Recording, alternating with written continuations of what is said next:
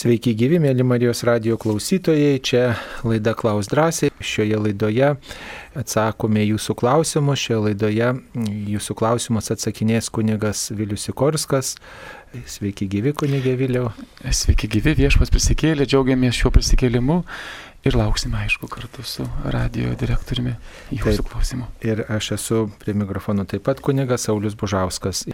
Turime keletą žinučių iš praeitų laidų atsiųstų. Štai vienas klausytojas prašo pakomentuoti tingėjimą. Ar tingėjimas yra mirtina nuodėmė? Mes turime lūtinių kalbą tokį žodį, kuris ateina kaip terminas asėdyje, Asėdyje tai reiškia žmogus turi tokią apatiją, nenori dirbti, nenori nieko daryti ir galiausiai perauga į tingėjimą. Taigi tingėjimas yra neveiklumas. Ir jeigu žmogus tingi, jis be abejo neišpildo Dievo įsakymų e, įvaldyti žemę. Tai mes sakome, kad tingėjimas yra nuodėmė. Dabar kada tai patampa sunki nuodėmė, tai turi apspręsti jūsų sąžinė. Ir be abejo, tam yra moralinė teologija, kuri taip pat e, turi protinti šią jūsų sąžinę, e, kada tingėjimas nugrėžia visiškai meilę Dievui, e, tada jūs įpulti į sunkę nuodėmę. Tačiau įpulti į šią nuodėmę ir, sakytume, sunkę nuodėmę, jeigu tingėjimas jums atgręž visą tokį negatyvumą, nenorą gyventi, būti, net nemailė aplinkiniams savo, tada mes galime sakyti tikrai, kad puolame į labai didelę atsakomybę. Taigi žmogus dirbdamas, net terapija, kurią naudodavo tėvas Stanislovas, yra darbas. Tai, tai yra mūsų sveikata. Darbas yra mūsų sveikata. Tingėjimas yra mūsų lyga. E, mes e, turime septynes e, sunkesias nuodėmės, arba kitaip sakant, mirtinos, tarp jų ir yra įrašyta tinginystė. Taip sakant, aplaidumas savo pareigose ir, ir tas nesistengimas kruopšiai atlikti savo pareigų gali būti priskirtas tinginystiai. Ir aišku, mes turime tokius terminus, kuriuos reikėtų mums visiems gerai žinoti, tai yra sunkios ir lengvos nuodėmės šiuo atveju. Mes turime tas dorybės, gražiausias ir įdas. Ir po to turime e, prie šitų darybių, kaip prieš priešą sakiau, ir įdos, taigi kalbame ne apie sunkę nuodėmę ar lengvą, bet kalbame tiesiog, kad tai yra įda. Ir septintoji yra tingumas. Tai apspręsti jūs, jūsų sąžinė, kiek tai gali būti sunki arba nesunki nuodėmė. Taip, dar viena žinutė. Prašau pasakyti, kada atsirado malda Sveika Marija ir kas yra tos maldos autorius. Tai galbūt antroji pagal grožį malda, kurią mes mylime, ji taip pat eina po tėvė mūsų maldos. Tėvė mūsų maldos autorius, žinote, pats yra Jėzus. O Sveika Marija autoriai yra du. Mes turime Arkangelo Gabrieliaus pasveikinimą Marijai ir turime šventosios Elsbietos pasveikinimą. Taigi, pirmoji maldos dalis yra iš mergelės Marijos pasveikinimų laukiantis arba e, kaip arkangelas Gabrielius neša žinę dėl įsikūnymo. O antroji dalis pridėta vėliau. Taigi, pirmieji viduramžiai, jie pridėjo mūsų žmonių maldą. Šventoji Marija, Dievo motina, melsk už mūsų nusidėjėlius. Taigi šios maldos autoriai, pirmoji dalis yra įkvėpta be abejo Dievo, tai yra Arkangelo Gabrielio pasveikinimas ir Elžbietos, o antroji yra mūsų maldavimas. Taip, tai sveika Marija, pirmoji maldos dalis randama mm, Evangelijose, tai galima sakyti, tai yra na, iš apreiškimo gauta malda, iš dieviškojo apreiškimo gauta malda, kurią mes ir melžiamės. Turiu šventojo Jono nepamuko liaudės meistro darytą statulėlę, rankoje laiko kryžių su dviem skersiniais. Ką galėtumėte pasakyti apie tokį kryžių? Kryžių su dviem skersiniais. Jų gali būti keletas variantų. Vienas iš tokių paprastesnių, e, paprastai vienas skersinis yra įstrižai, tą daro stačiatikiai. Bet gali būti ir pas mus, tai yra Kristaus arba užrašo simbolis, arba šone esančių dviejų latrų simbolis. Tačiau mūsų senoje heraldikoje didžiosios Lietuvos kunigaikštystės taip pat yra du kryžiai, kuriuos mes perimame. Ateina iš Auštų dinastijos. Mes dabar turime savo heraldikoje šį dvi skersnį kryžių. Jis turi daugiau prasmių. E, šio kryžiaus taip pat tokia versija ateina ir per vadinamą švento Benedikto kryžių. Taigi reikia žiūrėti, e, ką tai reiškia. Žmonės tiki, kad būtent šis kryžius yra ypatingos galios apsaugoti nuo blogio. Tai yra tarsi Dievo malonė, kuri dauginasi. Kaimynai turi seną, nukritusi didelį kryžių, pradėjo pjaustyti, paprašiau man atiduoti. Parsinešėme į savo kiemą, jis iš ties labai senas.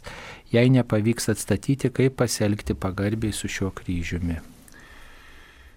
Be abejo, smagu turėti mm, kaip istorinį gyvenimo pažymėtą kryžių ir jeigu jau matote, kad jis netinkamas niekur panaudoti, tada sudeginama. E, praeitą Velyknaktį išložo parapijoje mes iš tikrųjų turime keltą kryžių, kuriuos žmonės atnešė nuo kapinių, sakiau, atneškite. Ir mes tokioje vietoje už bažnyčios juos sudeginome, tai buvo šventas laužas, o šiaip jūs patys taip pat galite sunaikinti. Nebūtų galima mėtyti kryžiaus kaip bet kokio kito daikto. Šis daiktas turi būti arba sunaikintas, arba panaudotas. Taip, kaip atgaivinti maldą širdis atšalusi, melžiamasi iš pareigos be šventosios dvasios vaisių, klausia Dovilė. Taigi, kaip atgaivinti krikščionišką maldą? E, Mėla Dovilė, yra daug dalykų, kuriuos mes atliekame iš pareigos. Yra keltas dalykų, kuriuos atliekat iš pareigos, iš pačios fiziologijos savo, net negalvodama. Pavyzdžiui, jūs kvėpuojate, nepagalvodama. E, labai sudėtinga, jeigu žmogui sutrinka kvėpavimas, tai taigi jam turi būti pagalba. Maldą laikykite panašiai taip. Labai linkiu, kad e, jūsų gyvenime malda būtų kaip kvėpavimas, tai įgūdis. Gali būti malda kartais kaip šokis, džiaugsmas, bet kartais gali būti kaip askezija, kaip darbas. Taigi nebijokite, jeigu šią akimirką jūsų malda yra kaip darbas, askezija, ar tiesiog pareiga, ją turite daryti. Turi būti maldos vadinamas minimumas. Negali būti dienos be maldos, savaitės be maldos ir mėnesio be maldos. Tai tas minimumas savo užsidėkite ryte tėvę mūsų, galbūt sveika Marija ir vakare, galbūt per pietus, galbūt tyliai pabūti prieš kryžių. Tai yra jūsų gyvenimo dalis, e, kurią turite nuspręsti, bet neuždauskite savo dvasioje. Taip kaip atsilaikyti prieš artimo pyktį ir agresiją, nesinori atsakyti tuo pačiu. Mm, tai pirmiausiai, matydami artimą žmogų piktą, e, negalvokite, kad jis pyksta taip, kaip sakoma, e, iš savo valios. Arba tiesiog pykstant jūsų. Galbūt šis žmogus daug dirba. Galbūt šis žmogus kenčia Galbūt yra jo lyga, galbūt yra jo tokia situacija. Ir galbūt šis žmogus neša kovą su pykčiu, tačiau jūs matote išorę. Ir dažnai mes matydami žmogų tokioje būsenoje, pats pyktis kaip emocija nėra nuodėmė. Tai yra kova. Pyktis kaip nuodėmė bus tada, kada žmogus nedės pastangų ir paleis išorę į žodžius, į elgesį. Tada E, bus nuodėmė tiek, kiek jisai e, nedėstų pastangų. Tačiau, mėlyjeji, pats pyktis kaip emocija ateina iš įvairių priežasčių ir jūs padėsite žmogui kovoti su jo pykčiu, jeigu galbūt net nesistengsite pastebėti, o tiesiog padėti jam išgyventi. Tai kartais pyktis išauga į agresiją, niekam neleiskite jūsų skriausti, apsaugok Dievę mušti, Jeigu vyksta žodžių karas, naudokite išmintį ir labai daug galestingumo. Taip, ačiū. dar vienas klausimas. Kokia jūsų nuomonė apie Jono Gardel knygą apie Jėzų? Jonas Lars Holger Gardel, tai yra šio laikinis švedų rašytojas, turintis įvairių talentų. Jis yra baptistų bendruomenės narys ir rašytojas, kartu ir dainininkas, dramaturgas, ir toks ieškantis žmogus ir vertinamas gana kontroversiškai. Reikia pasakyti, kad šita knyga nėra, neturi, taip sakant, tokios pritarimo katalikų bažnyčios hierarchijos, ką, ką turi katalikų leidykų leidžiamos knygos, išleista pasaulietinės knygos, pasaulietinės leidyklos, o šita knyga apie Jėzų, tai aišku, autorius remiasi Naujojų testamentu ir, ir bando tiesiog pasitelkti įvairius kitus šaltinius, tačiau na, tas toks kritiškas vertinimas, nežinau, ar visų žmonių tikėjimą augdytų. Tai, na, tai yra tiesiog autoriaus nuomonė, autoriaus, kuris ieško tiesos, svarsto, kaip ir bet kuri tokia literatūra. Geriausia yra skaityti katalikams tas knygas, kurios na, turi bažnytinės vyresnybės tokią aprobaciją. Tai reiškia, kad tos knygos ugdo mūsų tikėjimą ir juose nėra nieko prieštaringo, kurios mūsų mintis e, sudrumstų, maišytų, atneštų kažkokių na, priešingų nuomonių, skaldytų mūsų tikėjimą, mūsų santyki su Dievu.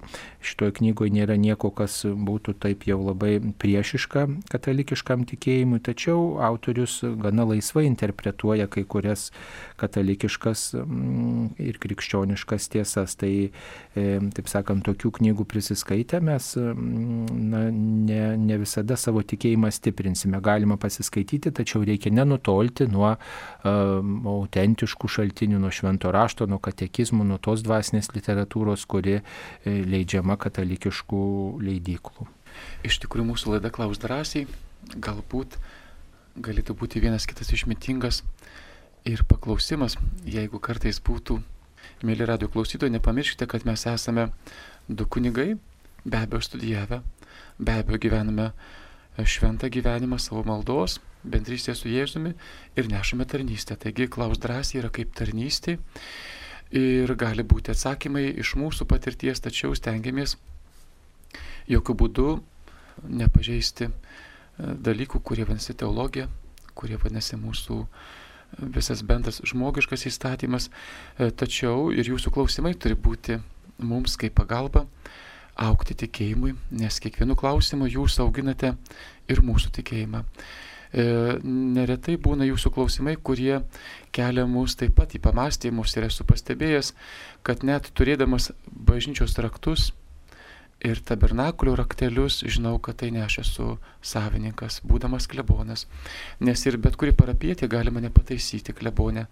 Pagarba tokia, mes darome taip, taigi jūs taip pat esate mūsų ir gydytojai ir kartu auksime tikėjimu, lauksime jūsų išmintingų klausimų, e, kurie galės visiems padėti paukti tikėjimu.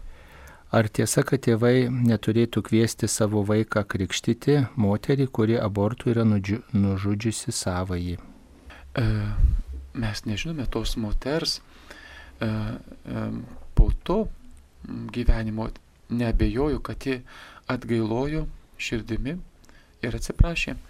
Tai šiuo atveju, kada renkamės krikšto tėvus, mes renkamės dvasios e, vadą, mes vadinsime tėvų, krikšto tėtis, krikšto mama, taigi parinkdami savo vaikui krikšto tėtį ir mamą, renkatės dvasios lyderį, kuris ves dvasioje. Ir jeigu krikšto tėtis ar mama turėjo tokį išgyvenimą, kaip jūs kalbate, vaikelio nužudimas, abortas, nebejoju, kad atgailojo, bet jeigu tai yra neatgailota, o priešingai palikta kaip e, gyvenimo toks pasididžiavimas, tada be abejo nesirinkite tokio dvasios vado. Aš manau, kad svarbu, jog žmogus yra kartu su Dievu sugrįžęs į Dievo malonę. Prašau paaiškinti, ką reiškia teisiojo malda. Tikriausiai ir gerbiamas kunigas Saulis. Šitie klausimai yra kaip medus, teisiojo malda teisiojo malda, mes negalime pasakyti, kad žmogus teisus, tas, kuris išpildo iki 99,910 Dievo įsakymų. Žmogus teisus, kuris gyvena tiesoje. Ir kada tu pradedi galvoti apie save taip, kaip yra, su Dievo malone, tu išlėtų eini į teisumą. Tavo pastanga išbūti teisingume, gyventi tiesoje, jau tau leidžia eiti link šios tokios teisiojo maldos. Taigi teisiojo malda. Teisiojo malda tai yra to žmogaus, kuris stovi Dievo akivaizdoje su e, savo e, veidu neužmaskuotu, jeigu yra nuodėmė atgailojančių, jeigu yra dorybė besidžiaugiančių, tačiau teisiojo malda yra be abejo Dievo vaikų kelyje su gailestingumu. Teisusis tas, kuris gyvena taip, kaip Dievas moko, kuris tengiasi suprasti Dievo valią, štai e, teisiuoju vadinamas Juozapas, kuris štai meldėsi, klausėsi viešpaties vedimo ir kuris stengiasi e, atsiliepti viešpatie žodį. Ir kiekvienas, kuris klauso savo sąžinės, kuris meldžiasi, kuris išlaiko atvirą, sugrūdusią nuolankę širdį, gali e, eiti tuo teisumo keliu, bet dažnai tą teisių, teisumo vardą, tą teisiojo vardą turėtų suteikti kiti. Negaliu sakyti, aš esu teisusis, aš esu tas, kuris dabar jau neturi jokios nuodėmės, esu nuolankus, be galo kuklus ir, ir šaunus. Vis dėlto tas e, žmogus, kuris iš tiesų teisus, na, turėtų būti toks laikomas kitų arba bent Dievo akivaizdoj, ne, ne, ne pats save tokiu vadinti. E, jeigu kas jūsų nepavadins teisėjais, tai ateikite, aš jūs pavadinsiu teisėjais. O pagal Seną testamentą, jeigu tavo gyvenimas buvo dorybingas, pilnas gerų darbų ir štai nusigrėži nuo doros kelio, tai tavo praeitis jau tau neleidžia džiaugtis teisiojo vardu. Esi nusidėjėlis, nes šią akimirką darai nuodėmę. Bet jeigu tavo kelias buvo nuodėmingas ir tu nusigrįži nuo blogo kelio ir eini Dievo keliu, tu jau gali vadintis teisiuoju. Taigi linkiu visiems pasukti į teisiojo kelią. Taip, ar teko girdėti, kad štai e, tokia nuomonė yra, jog varpų skambėjimas naikina net maro virusą. Štai yra toks siūlymas skambinti daugiau bažnyčių varpais. Linkėtume, kad tai būtų, tačiau e, čia yra jūsų tikėjimas, mėlyjeji. Pats varpas yra, e, jeigu taip labai paprastai, yra techniškas ženklas išgirsti, kad vyks pamaldos, ar vyksta pamaldos, tai yra ženklas. Nuo pat viduramžių ženklas žmonėms, bendruomeniai, aplinkiniams, kad vyks pamaldos. E, kad jo garsas skleidžia tą, ką jūs sakote, tai čia reikia jūsų tikėjimo, tai jūs tikėkite ir tikriausiai būsite apsaugoti. Taip mums paskambino. Klausytojas Tadas iš Šiaulių. Prašau, klauskite. Garbėzai Kristus. Per amžius. Žiūrėkit, ar mūsų gyvenimas, mūsų gyvenimo kokybė, mūsų laimė tiesiogiai priklauso nuo Dievo malonės ir kaip tą Dievo malonę užtarnauti, jeigu galėtum užtarnauti. Dėkui tu. E, Tadai, ačiū tau už klausimus, tave sveikiname su Velykomis, džiaugiamės, kad neši savo gyvenimo kryžių ir be abejo esi kurieėlis. Laimė priklauso labai, kaip tu ir sakai, teisingai nuo Dievo malonės ir dar trūksta vieno komponento, tai tavęs. Tai nuo tavo valius taip pat, nes tu priimi malonę, arba mažiau priimi, arba visai nepriimi. Taigi laimė priklauso nuo Dievo malonės, kurią gauname visada ir nuo žmogaus atliepo. Taip, ačiū. Toliau turime žinučių. Kuo skiriasi apsireiškimas nuo regėjimo ir vizijos, pavyzdžiui, Fatinos, Fatimos apsireiškimai ir Šventos Faustinos regėjimai? Mes turime mm, keltą žodžių. Tai regėjimas tai ir yra regėjimas. Pavyzdžiui, kalbame apie Medžiugorję. Štai mergelė Marija pasirodo Marijai, dabar jau nepasirodo arba pasirodys dar po metų. Tai regėjimas yra regėjimas, tačiau apsireiškimas turime stipresnį, tarsi įvardymą to pačio fenomeno, religinio fenomeno. Ir po to jau jie skirstosi į privatų regėjimą, arba aukštesnė pakopa apsireiškimas, arba su visuotinė žinia. Tada, kada kalbame apie, pavyzdžiui, Fatimos regėjimą, sakom, įvyko regėjimas, apsireiškė mergelė Marija, ji davė žinę, ją pasakykite popiežiui ir taip toliau. Mes turime žinę neprivačią, jau išeinančią į bendruomenę. Tai šiuo atveju taip ir buvo. Iš tikrųjų, e, Jonas Paulius II popiežius, sakytume, e, pagrindinis buvo Fatimos regėjimo su apsireiškimu e, įvykdytojas. Jis Rusiją paukojo per du kartus vienoje dienoje.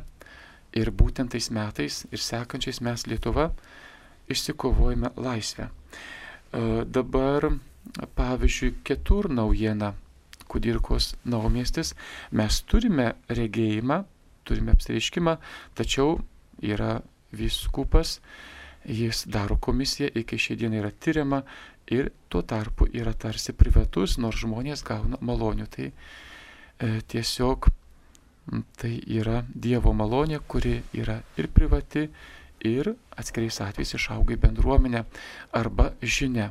Perduokite žinę. Tai apsiriškimas e, su tokiu didesniu rezonansu.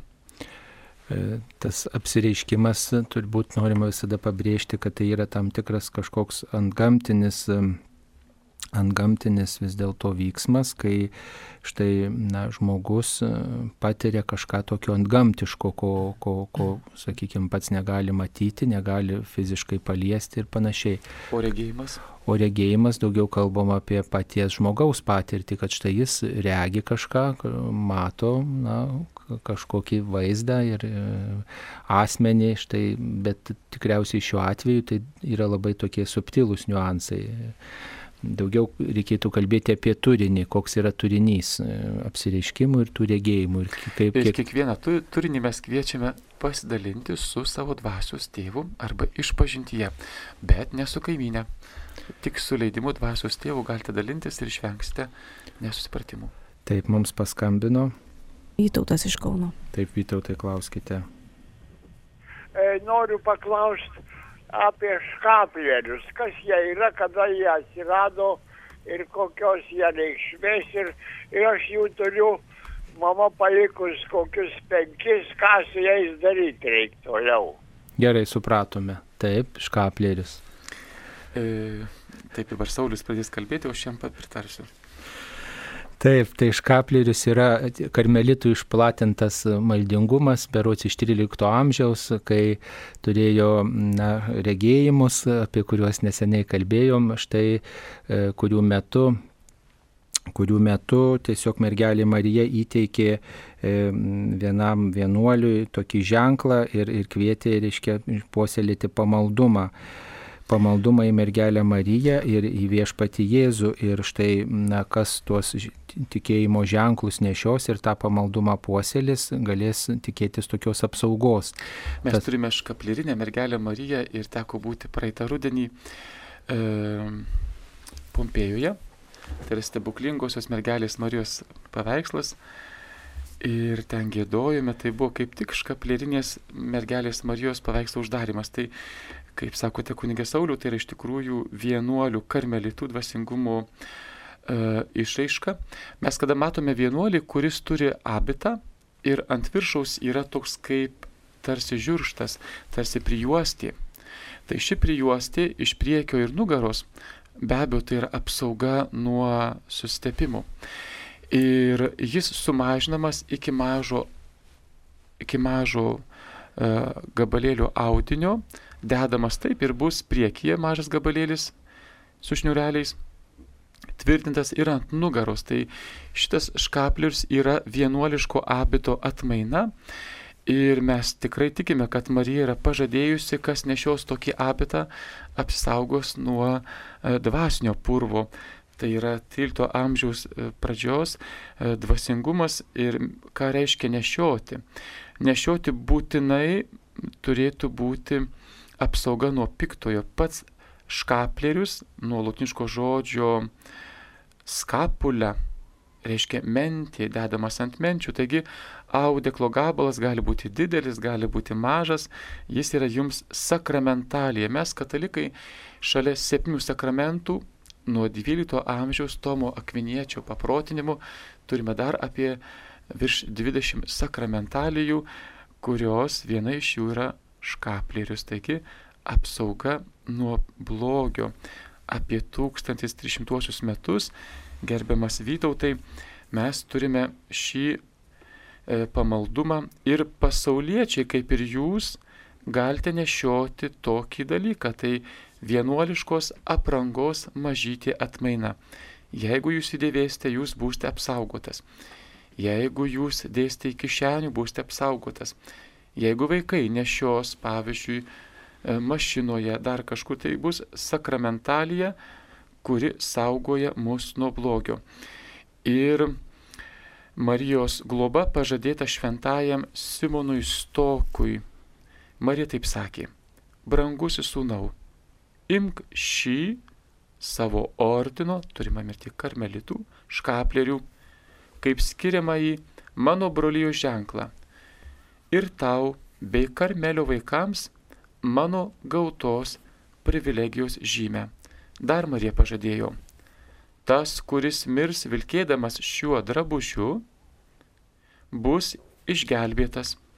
Jam niekada neteks kentėti nuo amžinosios liepsnos tai išganimo ženklas, apsauga nuo pavojų, ramybės ir amžinos sandoros laidas. Taigi, mielasis Vytautai, nešiokite, o jeigu jis susidėvės, sudeginkite ir įsigykite naują.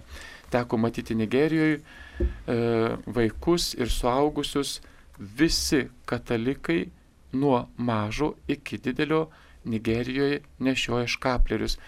Ir aš, būdamas kunigas, galvodamas, kad man užtenka tik kryželių, parvažiavau iš Nigerijos už kaplerių, jų pačių susiūtų, man padovanotų ir sunešiau tol, kol jisai sudilo. Dabar šią akimirką jau vėl jo nebeturiu, tačiau tai yra pamoka, didžiulė apsauga nuo blogio turbūt nešioti vien tik tai neužtenka ir, ir, ir turėti neužtenka, reikėtų pra, praktikuoti ir pamaldumą. Visada prieš kapleriaus yra pridedama tokia malda ir ją galima rasti, na, kaip sakant, maldaknygėse didesnėse ir, ir galima gauti pas parapijos kunigą, reiškia, ir surasti ir internete, žodžiu, malda visada svarbi, kuri išreiškia mūsų tikėjimą Marijos globa, o šitas išorinis ženklas tik primena, jog mes ypatingai kliaujamės Dievo globa ir ypatingai mergelės Marijos, tokio išskirtinio žmogaus, kuris turėjo išskirtinį tikėjimą ir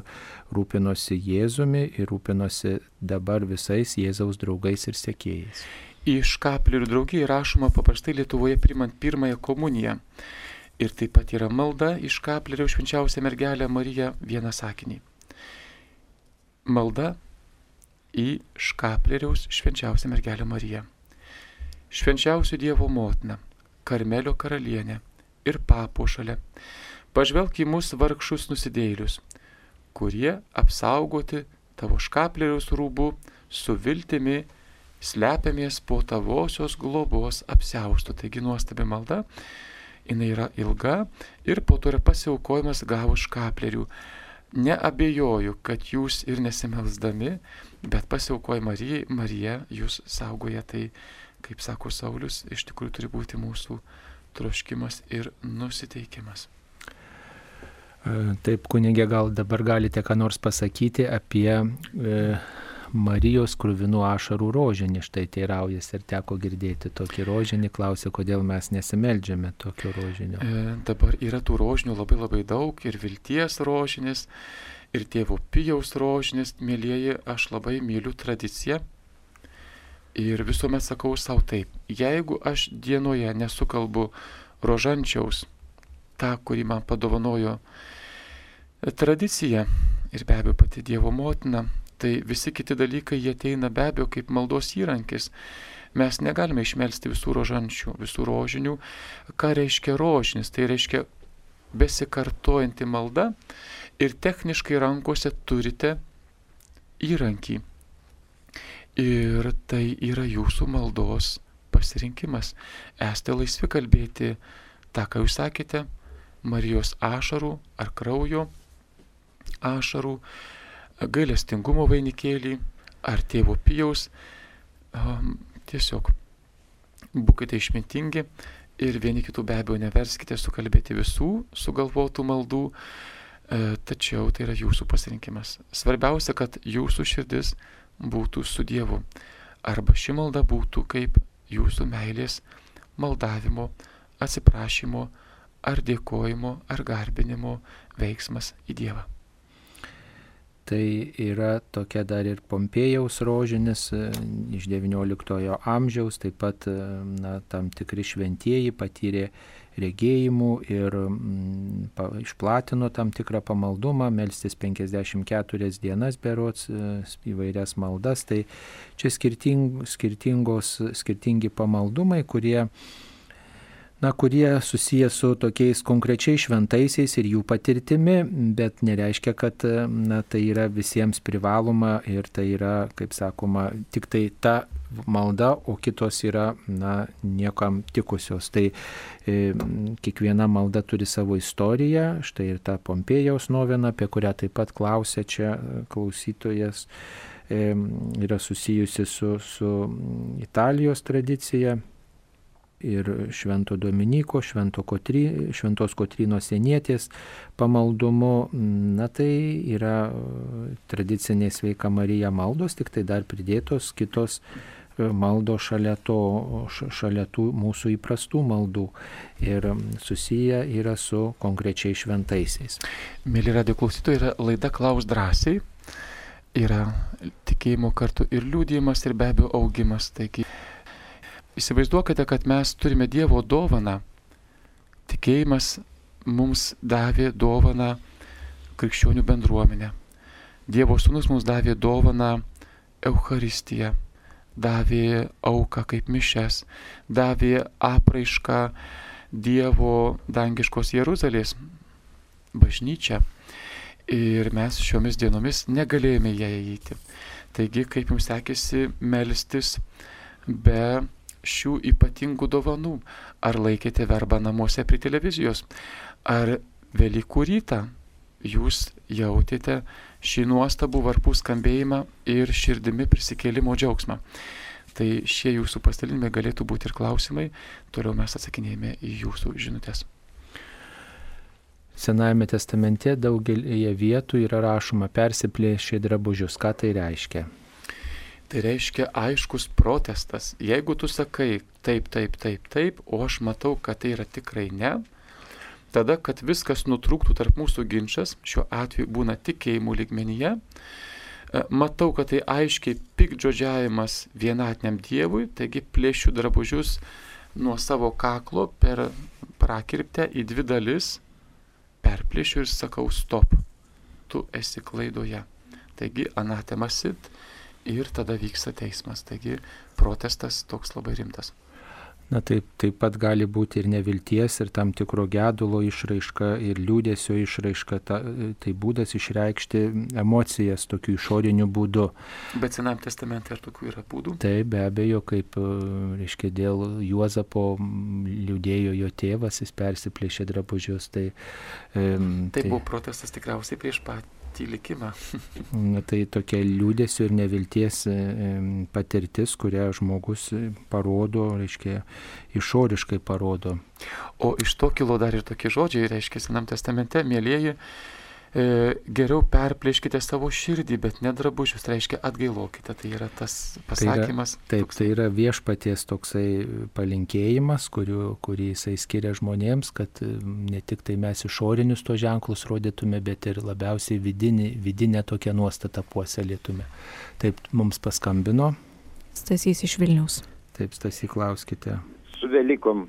Sveikiname. Žinoma, kad Jeruzalė yra trijų tikėjimų tėvynė - krikščionybės, islamo ir judaizmo. Dabar kaip suprasti, kad būtent e, Jeruzalė šitų religijų tėvynė. Ir, ir dabar man neaišku, kodėl religijos konkuruoja, konfliktuoja tarpusavyje ir netgi kariauja. Aš asmeniškai e, taip juokaudamas, mm, jeigu religijų tėvynėm daryčiau, tai skirtingas sostinės ar skirtingas šalis, kad ir Jeruzalė, kad ir Vilnių, kad ir Paryžių. Ir e, dabar, kaip man atrodo, visos religijos papildo vieną kitą. Ir kažkiek tai kažkurios tai savo kampos paneigia vieną kitą. Ir man labiausiai ar mažiausiai aišku islamas. E, islamo ryšys su Jeruzalė, islamo ryšys e, su krikščionybė. Ačiū už atsakymą. Ačiū Jums, gerbiamas Tasy. E, Jeruzalė yra, e, nepamirškime, kad tai ne toji istorinė Dievo tautos sostinė. Tai yra karalius pagal Dievo širdį sukurta sostinė. Tai nėra Sauliaus sostinė, karalius pirmojo. Tai yra karaliaus Dovido sostinė, kuri e, pastatoma ant Ziono kalno.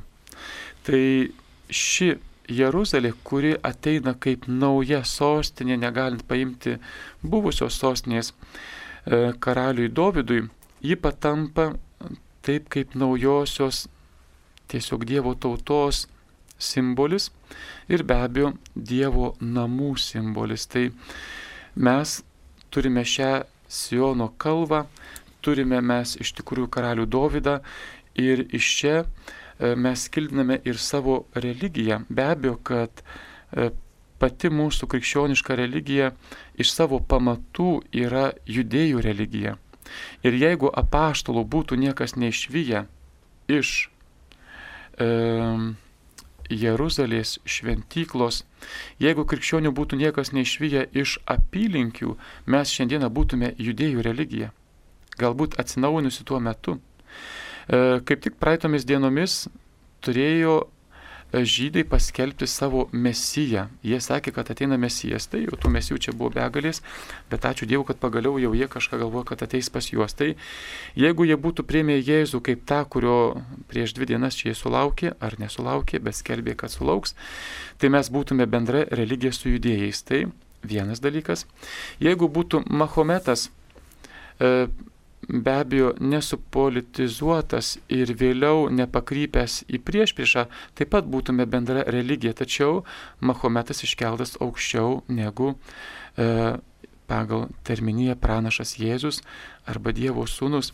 Tai turime religiją, kuri nuo mūsų gerokai skiriasi, tačiau yra sąsaja, kad žydų dievas Jahvi, tai yra Abromo dievas, turime sąsąją, kad mūsų Jėzaus Dievo sūnaus tėvas taip pat yra tas pats Abromo Jahvi ir taip pat uh, Mahometo išpažįstamas Dievas yra Abromo Dievas, tai yra Allah. Taigi kreipiamės į tą patį Dievą. Belieka mūsų ginčiai, kaip ir sakėte. Uh, Jeruzalė yra trijų religijų sostinė. Uh, Jeigu išimtume iš, iš šito viso tokio suspaudimo, išimtume politiką, tikriausiai mes visi rankomis susikiptume.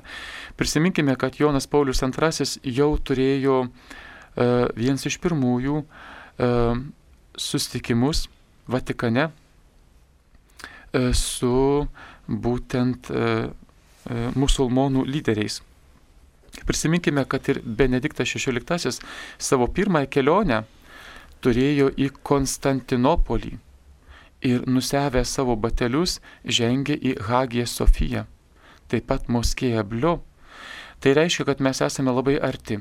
Jeruzalė yra e, pirmosios iš tikrųjų e, tiesiog tos Dovido karalijos apraiška ji yra maždaug e, įsteigta, mes turime e, ją nuo 1500 metų prieš Kristų jau turime šią apraišką.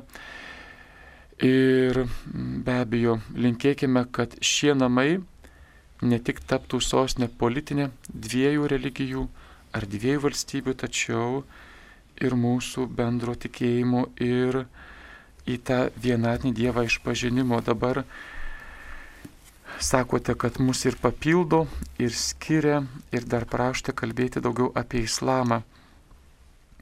Islamas, jeigu eitumėte su tikinčiu žmogumi, be politikos yra labai nuostabi religija.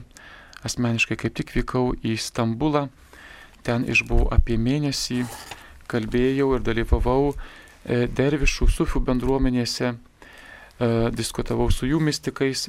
Kalbant su mystiku neturi problemų kalbant su tikinčiu žmogumi, kuris nepolitizuoja, nerandi problemų, tačiau atsiranda jos, kada mus skiria sienos, kiekviena siena, politinė ar religinė, ji mums duoda uždarą aptvarą. Tai melskimės, melskimės už širdžių vienybę ir pradėkime nuo labai paprasto taško, jog šios trys religijos išpažįsta vieną Dievą. Šis vienas Dievas mums rodo bendrą kelią ir mes turime tam priemonės, didžiuokime savo krikščionybę, kuri turi apreiškimą ir labiausiai apreikštą Dievo šio Dievo, ar tai Alacho vardu vadinto, ar Jahvė veidą. Dievo sūnaus misija parodyti Dievo tėvo veidą. Taigi mes turėdami Dievo tėvo veidą su didžiausiu apreiškimu, jo sūnaus įsikūnymu, turime ir daugiausia malonės. Tai tą malonę panaudokime tam. Labai ačiū už klausimą. Taip ačiū. Jeigu mokiniams Jėzus sakė, imkite šventąją dvasę, kam atleiste nuodėmės, tam bus atleistos, kodėl mokiniai su Marija laukė sėkminių. Taigi turime Evangelijos pabaigą ir be abejo turime e, Kristaus laikų pradžią.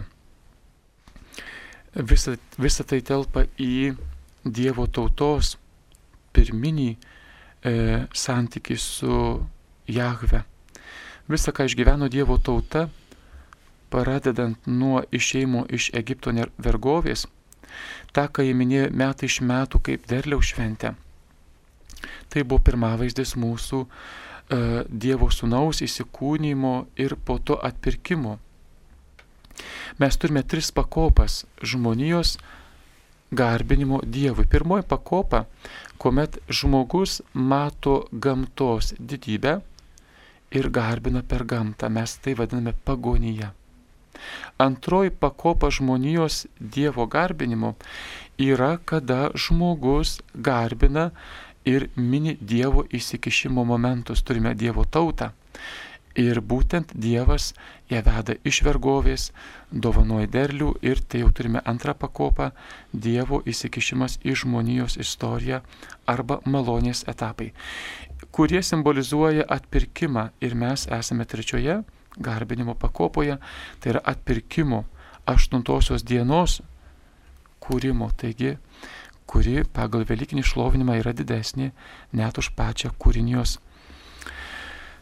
paslapti. Tai mūsų atpirkimo istorija Dievo sūnaus telpa į visas šias pakopas ir mes dabar atsakome jūsų klausimą, E, Sėkminės, ko laukia mergelė Marija, pagal žydų tradiciją tai yra derliaus pirmienų šventė, o mums tai yra pirmoji Kristaus prisikėlusio dovana, didžioji dovana, e, tai būtent Dievo trejybės trečio asmens nužengimas ir visų mūsų sustiprinimas, ką mes sakome, šventosios dvasios atsiuntimas, nužengimas ir jos vedimas iki laikų pabaigos. Mergelė Marija su apaštlais E, nerime, baimėje laukia šio sustiprinimo Dievo trejybės trečios mens nužengimo. Tai jų ir buvo ta prasme. 40 dienų mes esame dabar tame laikotarpyje.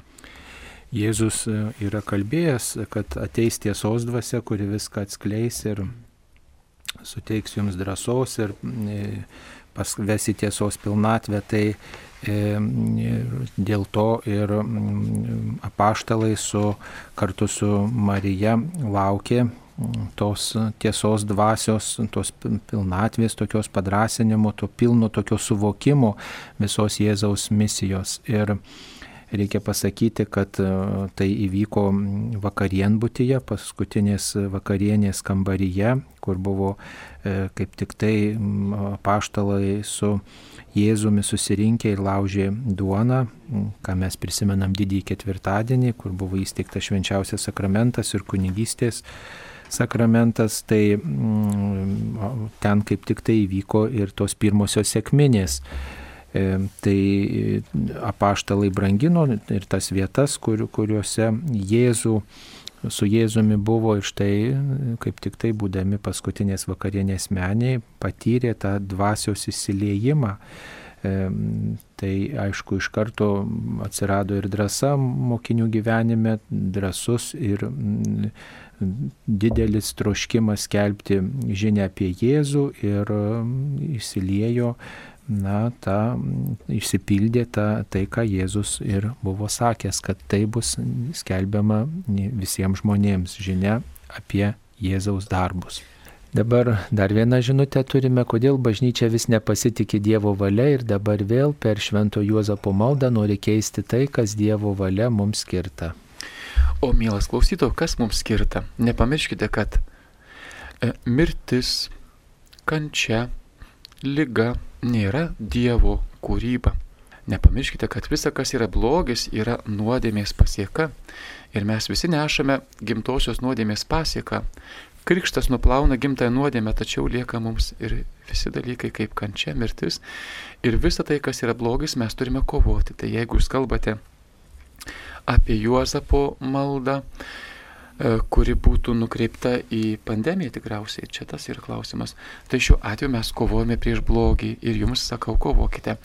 Kurie sveiki, saugokite save, kad būtumėte sveiki, e, kad neperneštume blogio silpniems, kaip pavyzdžiui, seniems arba mažiems vaikams.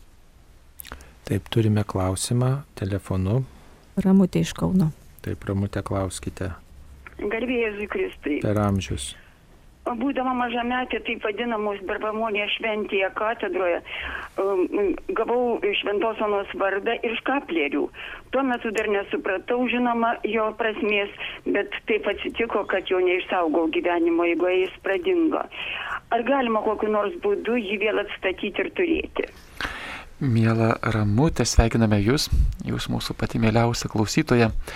Žinome, kad ir mūsų rėmėjai Marijos radijo e, meldžiaties pas Elsbietietės, joms linkėjimus perduokite Velykų progą.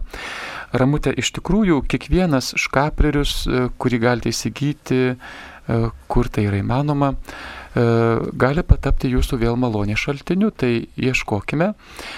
Net yra tokia atmaina, kaip pavyzdžiui, tą mačiau naudoja, tai net gali būti medalikėlis, ant kurio vienos ir kitos pusės yra škapleriaus įspaudas, tai yra, vadinasi, škaplerinis medalikėlis. Tačiau jūs kaip tokia nuostabi tikinti tikrai suraskite, galbūt net ir pačios seserys Elsbietietės e, turi e, tą medžiaginį ir kiekvieną, kurį jūs įsigysite, reikia jį palaiminti, neškite kunigui ir jis bus lygiai tos pačios malonės, kurią gavote e, savo vaikystėje Gera, kad jūs jo trokštate, jūs tikrai turėkite, nes tai yra tikra apsauga nuo blogio. Ir linkiu jums būti sveikai, linksmai ir visuomet besidžiaugiančiai, kaip tikras Dievo vaikas, pilnas vertės, būti apkabintai Dievo visą visą malonę, būkite palaiminta. Taip, dabar turime dar vieną žinutę apie pirmus mėnesio penktadienius ir šeštadienius paaiškinkite, kas tai yra. Taip, jau Saulis ruošiasi atsakymą. Taip, pirmieji mėnesio penktadieniai yra susiję su ir tarp kitko ir pirmieji mėnesio šeštadieniai yra susiję su mm, gamtiniais tokiais įvykiais, su mm, Jėzaus ir mergelės Marijos apsireiškimais. E, pirmieji mėnesio penktadieniai susiję su Šventaja Marija Alakok, ir, mm, žodžiu, reikia pirmąjį mėnesio penktadienį, prisimenant Jėzaus Kristaus kančią ir mirtį, atlikti išpažinti, priimti šventąją komuniją mm, ir melstis štai į Jėzaus širdį, melstis Jėzaus širdies litanijos žodžiais ir štai tokiu būdu ruoštis laimingai mirčiai ir tą taip padaryti keletą mėnesių iš eilės. Ir tai yra proga vis dėlto savo širdį, savo širdį Dievui atverti ir taip tinkamai pasirenkti. Šventoji Marija Margarita Alekok yra gimusi 1647, mirusi 1690 metais ir ji kaip tik yra laikoma viena iš pagrindinių pradininkių pamaldumo į Jėzaus širdį. Mes turime penktadienį kaip Kristaus kančios paminėjimo dieną ir mums katalikams visame pasaulyje, beje ir Lietuvoje, kiekvienas penktadienis yra susilaikimas nuo mėsos, nebent tą penktadienį išpultų liturginė iškilmės šventė.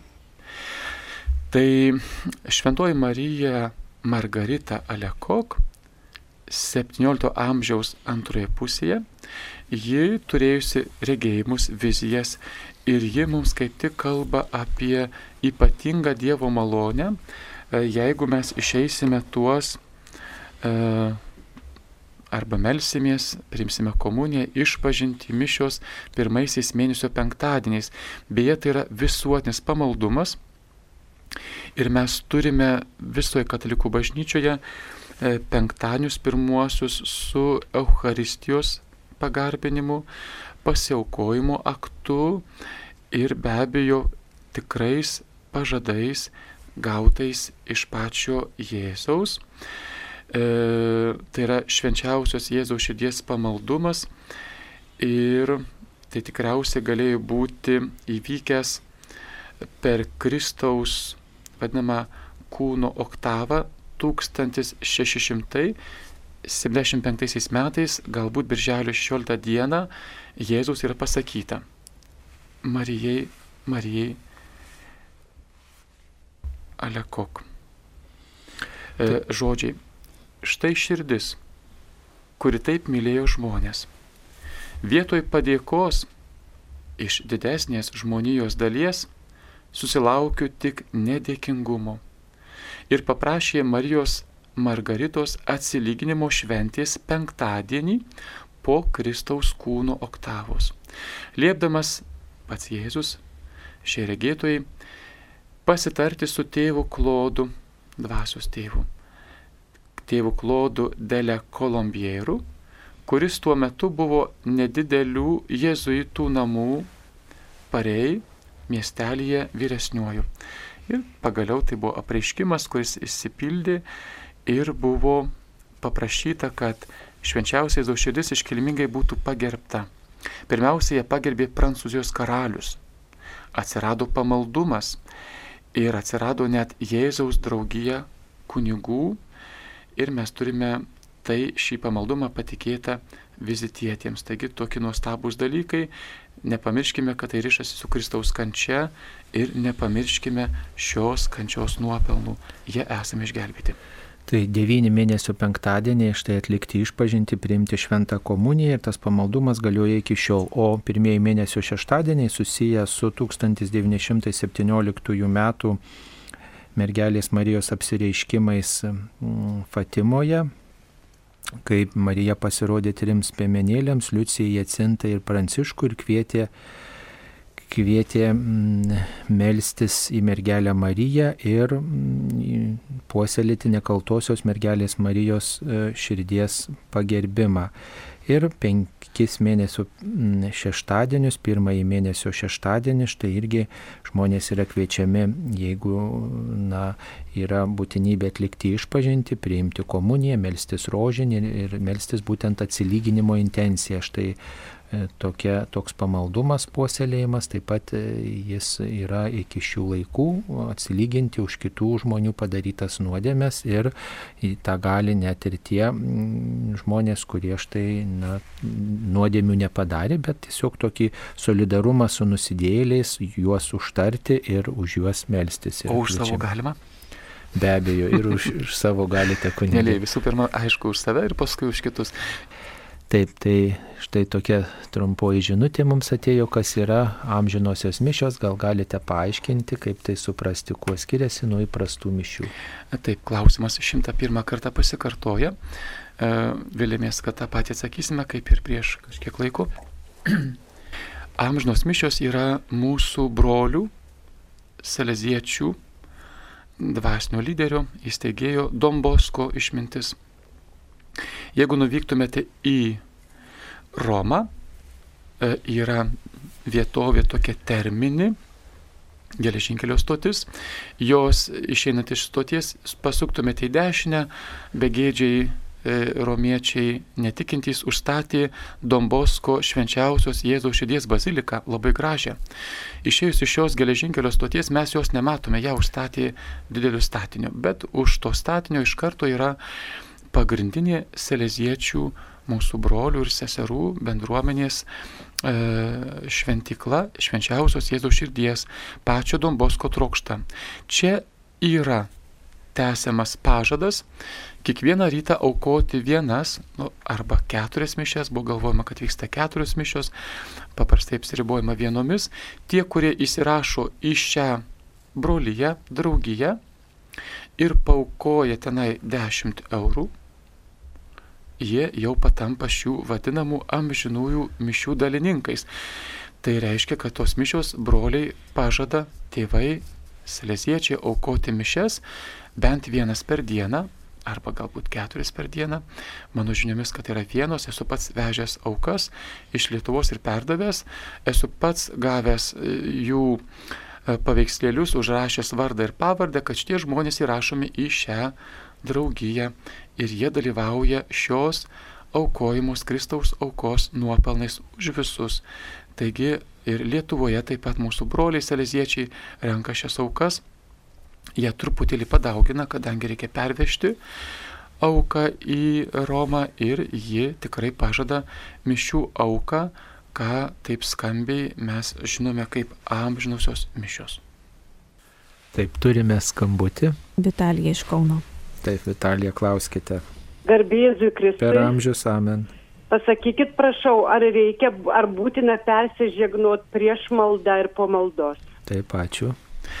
E, mes šiandieną turime žegnojimąsi kaip e, net dalinių atlaidų e, reiškia priemonę. Jeigu žmogus žegnojasi, jis gauna kaip dalinius atlaidus. Reiškia, žmogus save paženklina Kristaus didžiausių atpirkimo ženklų. Beje, šio ženklo nebuvo pirmame amžiuje ir antrame. Jis atsirado e, greičiausiai pietų Afrikos žemynė, krikščionių be abejo bendruomenėje. Ir visų pirma, tai buvo kaip egzorcizmo varimas piktojo. Nuo 9 amžiaus mes turime tokius privalomus priedus maldose, bet privalomi taip kaip sakyti nemirtinai. Gale maldos mes pridėjome žodį nuo 9 amžiaus privalomai. Amen. Tai reikštų taip yra, taip tikiu, taip tebūnie. Ir maldos pradžioje ir pabaigoje mes pridėjome taip pat žegnojimąsi, tačiau to nebuvo privaloma iki 9 amžiaus. Ir jūs esate pastoviai su Dievu Dievo malonėje. Yra momentų, kuriuose jūs nenaudosite kryžių ženklo ir šiais laikais. Pavyzdžiui, didį penktadienį, kada yra tikroji Kristaus kančios diena, kunigas nenaudoja senąją tvarką žegnojimuose nei mišių pradžioje, net nelaimina pabaigoje žegnojimu tik rankų ištiesimu ir tekstų malda. E, nežymima Evangelijos knyga ir nežegnojama nei ji, nei save trimis ženklais. Taigi, e, e, griežtai prasme, naudokite kryžių ženklą kaip apsaugą, kaip malonę, kaip Dievo pagarbinimą, o stačiatikiai tiesiog kaip, mm, kaip tokia didžiulę seriją malonės, žegnojimuose, apsaugos, jie daug daro šito ženklo, bučiuoja kryžių, žegnojasi, lenkėsi iki žemės, taigi malonė nukelia iki apačios iš dangaus į žemę. Tai galvokite, kad jūsų malda bus gera be kryžių ženklo, bet ji šiai dienai jau yra labai primtina ir faktiškai reikėtų. Na, jeigu malda yra trumpa, labai trumpai melžiamės, tai tas kryžiaus ženklas gali būti ir nenaudojamas. Jeigu, pavyzdžiui, strėlinėmis maldomis žmogus melžiasi viešpatė pasigailėk, štai keletą kartų pasako, tai tiesiog paprastai, kai žmonės ilgiau melžiasi, kai bendruomenė melžiasi, tai tas kryžiaus ženklas suprantamas, kieno vardu susirinkom, tačiau kartais ta spontaniška malda, jinai gali būti ir be kryžiaus ženklo. O jeigu kartais jūsų malda net trumpesnė negu strėlinė malda, tai tiesiog be nieko žegnojate ir viskas įvyksta Dievo malonė. Ta daro kunigas mišių metu, pavyzdžiui, e, smilkalus e, laimina be teksto, be maldos, tik daro ranka kryžių ženklą. Taigi naudokite ir džiaugiamės, kad Dievas duoda mums tokį stiprų ženklą, kurio bijo net pats velnės. O velnės yra tik tai vienas iš kūrinių. Dabar padarysim pertrauką. Jūs girdite Marijos radiją.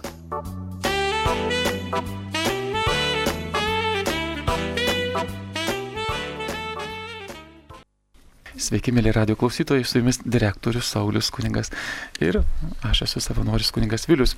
Turime labai labai daug žinučių, todėl tiesiog te būna dabar žinučių laikas. Taigi gal žinote, pagal kokią tvarką sudarytos palendrių benediktinų liturginių valandų maldos, kaip juos sekti jungiantis bendrai maldai internetu, neskiriasi nuo lietuviško brevijoriaus teksto. Taip, broliai benediktinai, jie yra paprastai trim žingsniais į priekį nuo visos katalikų bažnyčios. E, pats Benediktas Šventasis sukūrė šią valandų liturgiją.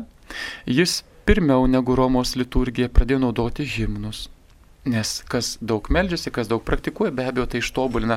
Tik vėliau, vėliau šimtmečių Roma priima ir himnus, e, įtraukia juos, todėl skirsis himno vieta pas brolius benediktinus ir skirsis himno vieta Romos reiškia e, kunigų arba kitų vienuolių brevijorija. Beje, šiai dienai po reformos yra daugiau brevijorių, daugiau Dievo uh, tautos šlovinimo tų vadinamų liturginių valandų ir jų yra įvairių sistemų ir jos yra aprobuotos. Todėl klausydami brolių benediktinų, žinokite, kad jūs esate uh, benediktiniškoje tradicijoje ne kunigų brevijorius. Jos yra labai labai panašios, bet ir skirtingos. Beje, yra dvi linijos - kalbėti 150 psalmių per vieną savaitę, ją seka broliai benediktinai, arba kalbėti keturis ciklus, ką seka kunigai. Tai jau turite komplikaciją.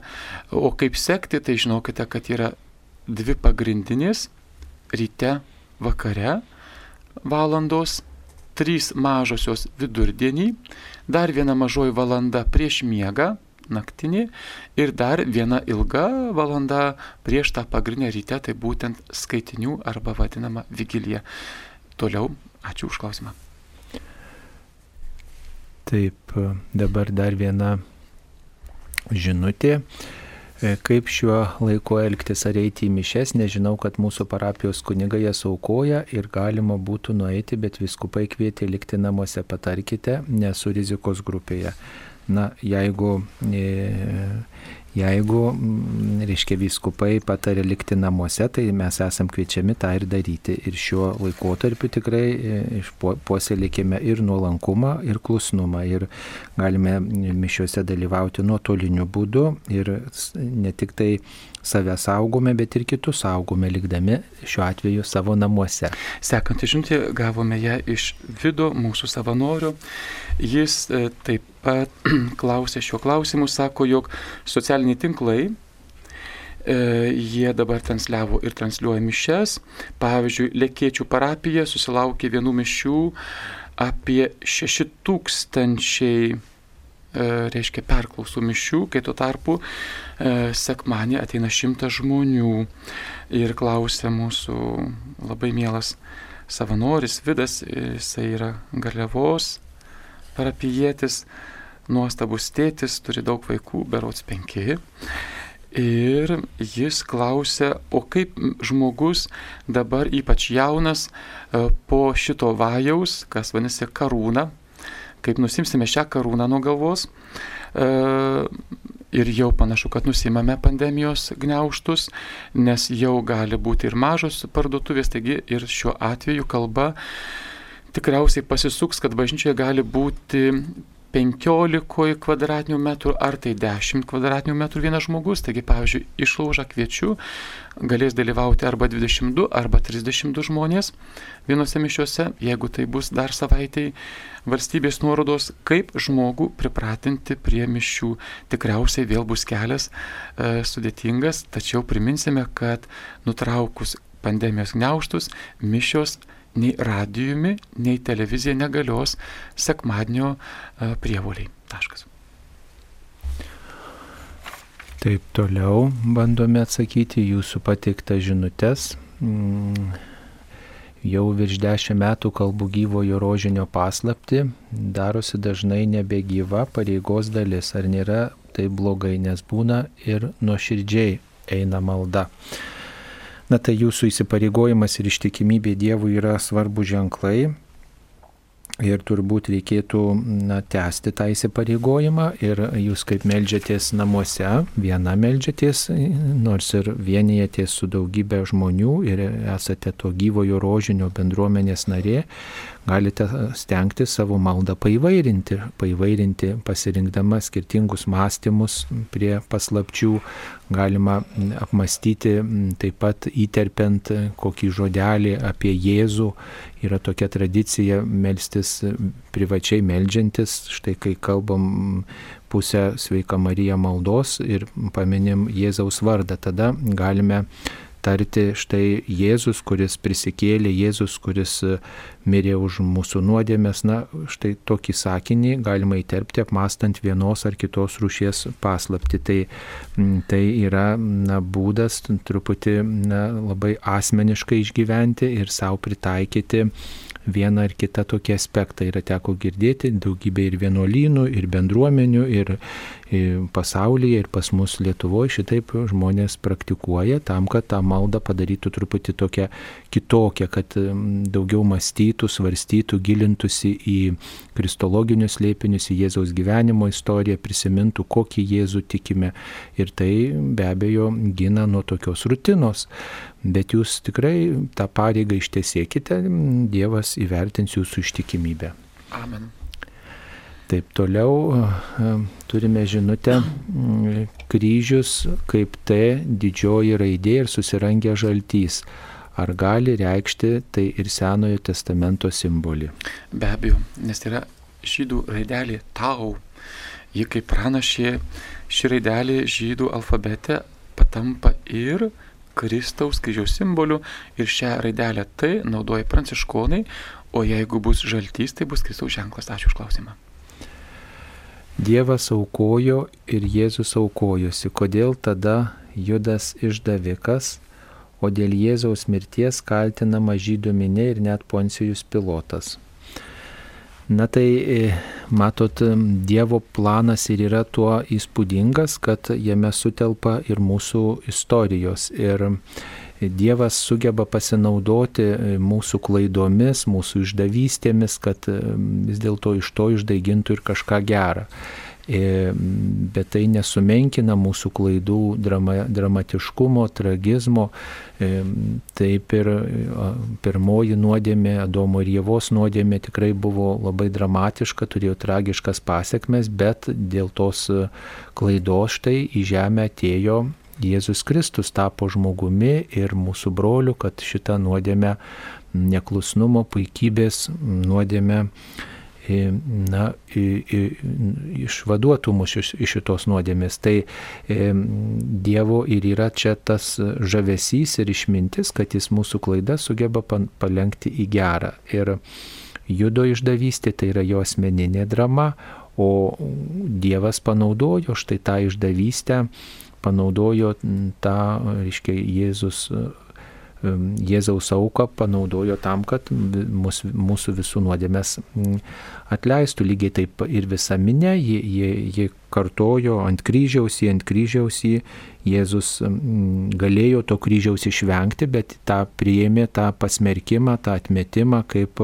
ir savanoriškai priėmė. Tai kitaip sakant, tai yra dvi kryptis - Dievo pasiaukojimas ir žmogaus, žmonijos noras Dievą kaltinti, Dievą atmesti ir Dievą neikti. Ir Dievo ir, ir yra tai išmintis, kad žmonijos blogį, žmonijos netinkamą pasirinkimą Dievas sugeba panaudoti savo geriems planams. Iš blogio sugeba Dievas išdaiginti gėrį, kitaip sakant, iš mūsų tokio purvo Dievas sugeba išspausti, palengti gėrį. Tai čia yra Dievo išmintis ir Dievo galybė tokia. Čia ir yra Dievo žavesys. Taip, e, kaip nustoti save peikti ir pasitikėti savimi. Ar Dievas gali padėti, jei prašai sustiprinti valią, bet regis niekaip nepavyksta susikaupti ir dirbti. Ar jis pyksta, kai turi jėgų, bet nepakankamai stengiasi, nors bandai. Taip yra Dievo įsakymas didysis, mylėk savo artimą kaip save patį. Tai mokykite save mylėti. Mokykite e, pažinti savo silpnasias vietas. Tam tikrą prasme pamilti ir savo nuodėmę. Įda silpnumą reiškia saugoti save ir kitus nuo šių silpnų vietų ir neįstatyti savęs. Jeigu savęs negerbėte, nemylite, niekas nepadės. Dievas įpareigoja tau save mylėti. Dievas tave labai myli ir trokšta, kad tu išlėtų eitumė į šią Dievo tau dovanotą meilę uždyką. Uždyką Dievas tave myli. Turiu senelį, kuriam 98 metai buvo pakrikštytas Dievu netiki dėl vaikystėje buvusio kunigo emocinio sužeidimo. Mišes klausydavo ko ne kasdien, bet prieštaravo. Šiomis dienomis išeis ar kviestis kuniga mirus. Na, jeigu senelis jūsų buvo pakrikštytas ir iš esmės vis dėlto tiki Dievu, galbūt yra abejonės, yra nuoskaudos, tikrai nereikėtų turbūt atsisakyti krikščioniškų laidotuvių, jeigu tik tai tokios įmanomos šiuo, šiuo pandemijos metu. Ir tikrai galbūt dar senelis gyvens, pagalvokite, galbūt būtų galimybė netgi pakviesti kunigą, kad jis galėtų priimti ligonių sakramentą.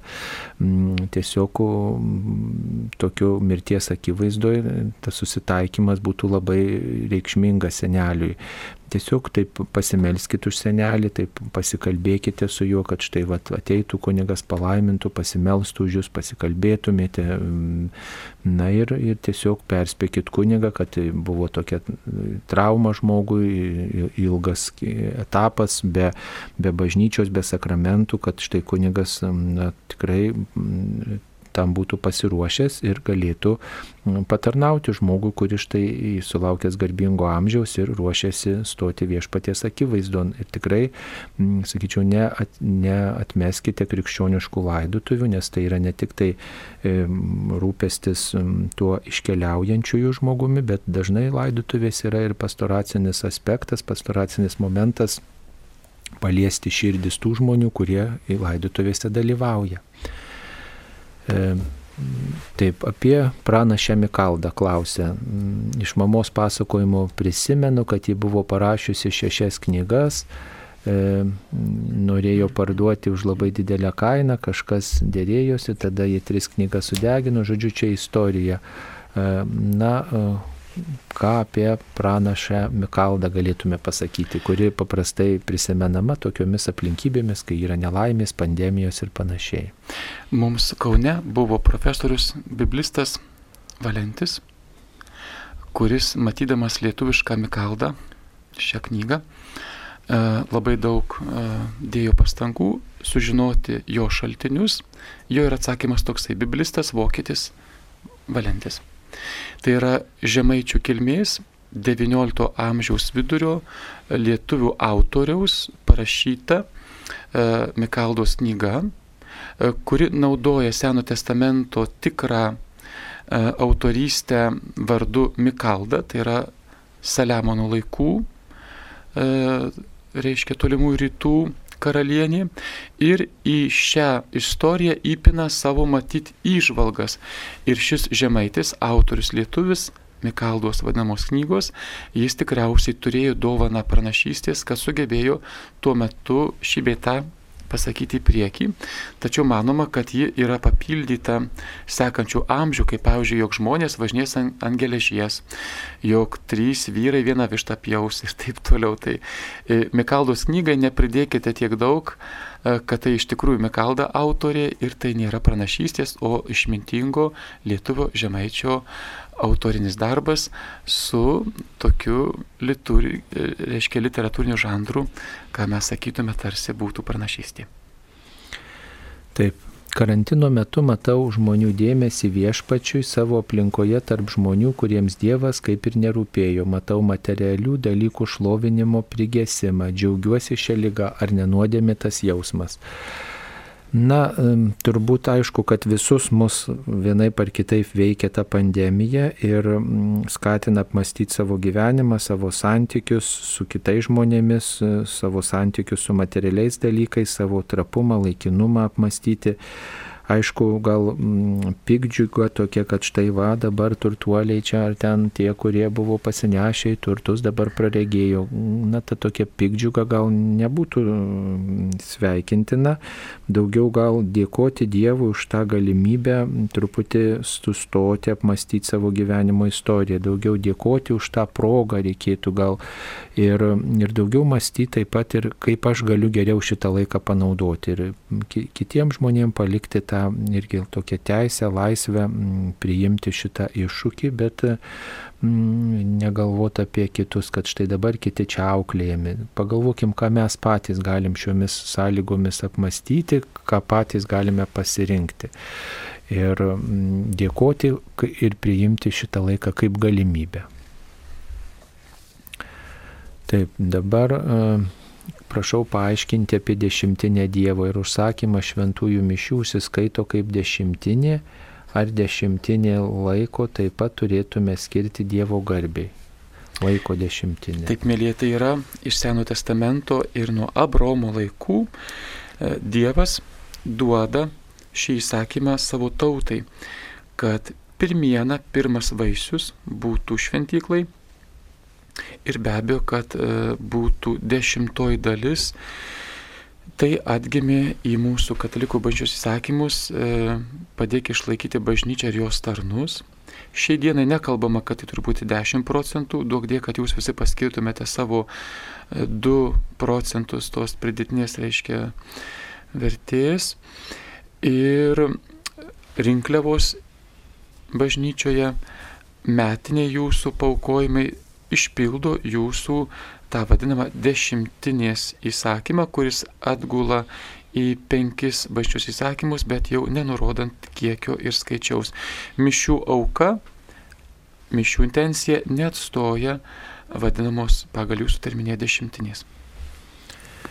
Taip, dar vienas klausytojas tiesiog sako, kad galima paremti kunigus ir vienuolius šio karantino metu, tai yra užsakant mišes už gyvus ar mirusius, nes internete yra kiekvienos parapijos telefonų numeriai ir galima paskambinus sužinoti, kokia yra sąskaita ir į tą sąskaitą galima pervesti norimą auką. O tie žmonės, kurie nesinaudoja internetu ir nesuranda kitais būdais, kaip susisiekti su savo parapijos kunigais, gali yra kviečiami prašyti savo vaikų ir anūkų ir tokiu būdu prisidėti prie savo parapijos išlaikymo ir taip pat melstis už savo artimuosius gyvus ir mirusius, net ir nelankydami šventų mišių, kaip yra įpratę. Bet tuo laiku, kada aukojamos mišios susikaupdami namie maldoje. Ir taip pat čia dar toks klausimas yra, ar kaimo parapijose šiuo metu nebūtų galima švesti mišę su žmonėmis. Na tai, sakyčiau, ir miestų, ir kaimo parapijos laikosi tų pačių taisyklių, kaip ir, kaip ir yra nutarta viskupų konferencijos, kad mišios aukojamos be žmonių ir mišes mes stebime per elektroninės priemonės arba klausomės per Marijos radiją ir laukiame karantino pabaigos, kada galėtume gyvai dalyvauti šventose mišiuose, tam, kad ir, ir savęs nestatytume į pavojų ir kartu nestatytume kitų žmonių, kurie kurie e, gali taip pat, na, kuriems galime vienaip ar kitaip pernešti šitą koronavirusą. Tai laikomės klusnumo ir nuolankumo šitoj vietoje. Taip esam vienybėje su mūsų viskupais. Jeigu mūsų parapijos kunigas nesukuria bendruomeniško gyvenimo, ar galiu aukti kaip krikščionis? Taip, mėlyji, mes sakome, kad kiekviena bendruomenė ir kiekvienas kunigas vyskupo įpareigotas vesti parapiją, jis yra gebantis ir sukurti tą, tą bendruomenę. Be abejo, ne visiems vienodai sekasi, bet esmė jūsų kaip parapiečių dalyvavimas liturgijoje ir be abejo visoje parapijos veikloje. Jeigu būtų kunigo aiškios klaidos ar dar kažkas, be abejo, diskutuokite su juo, jam praneškite pačiam, padėkite jūs jam, jeigu matytumėte, kad tai yra labai sudėtinga, visada galite kalbėti su savo ganytoju, vyskupu, nes jis skiria kunigą, o aukti jūs turite ir galite, nes Dievas jūs augina.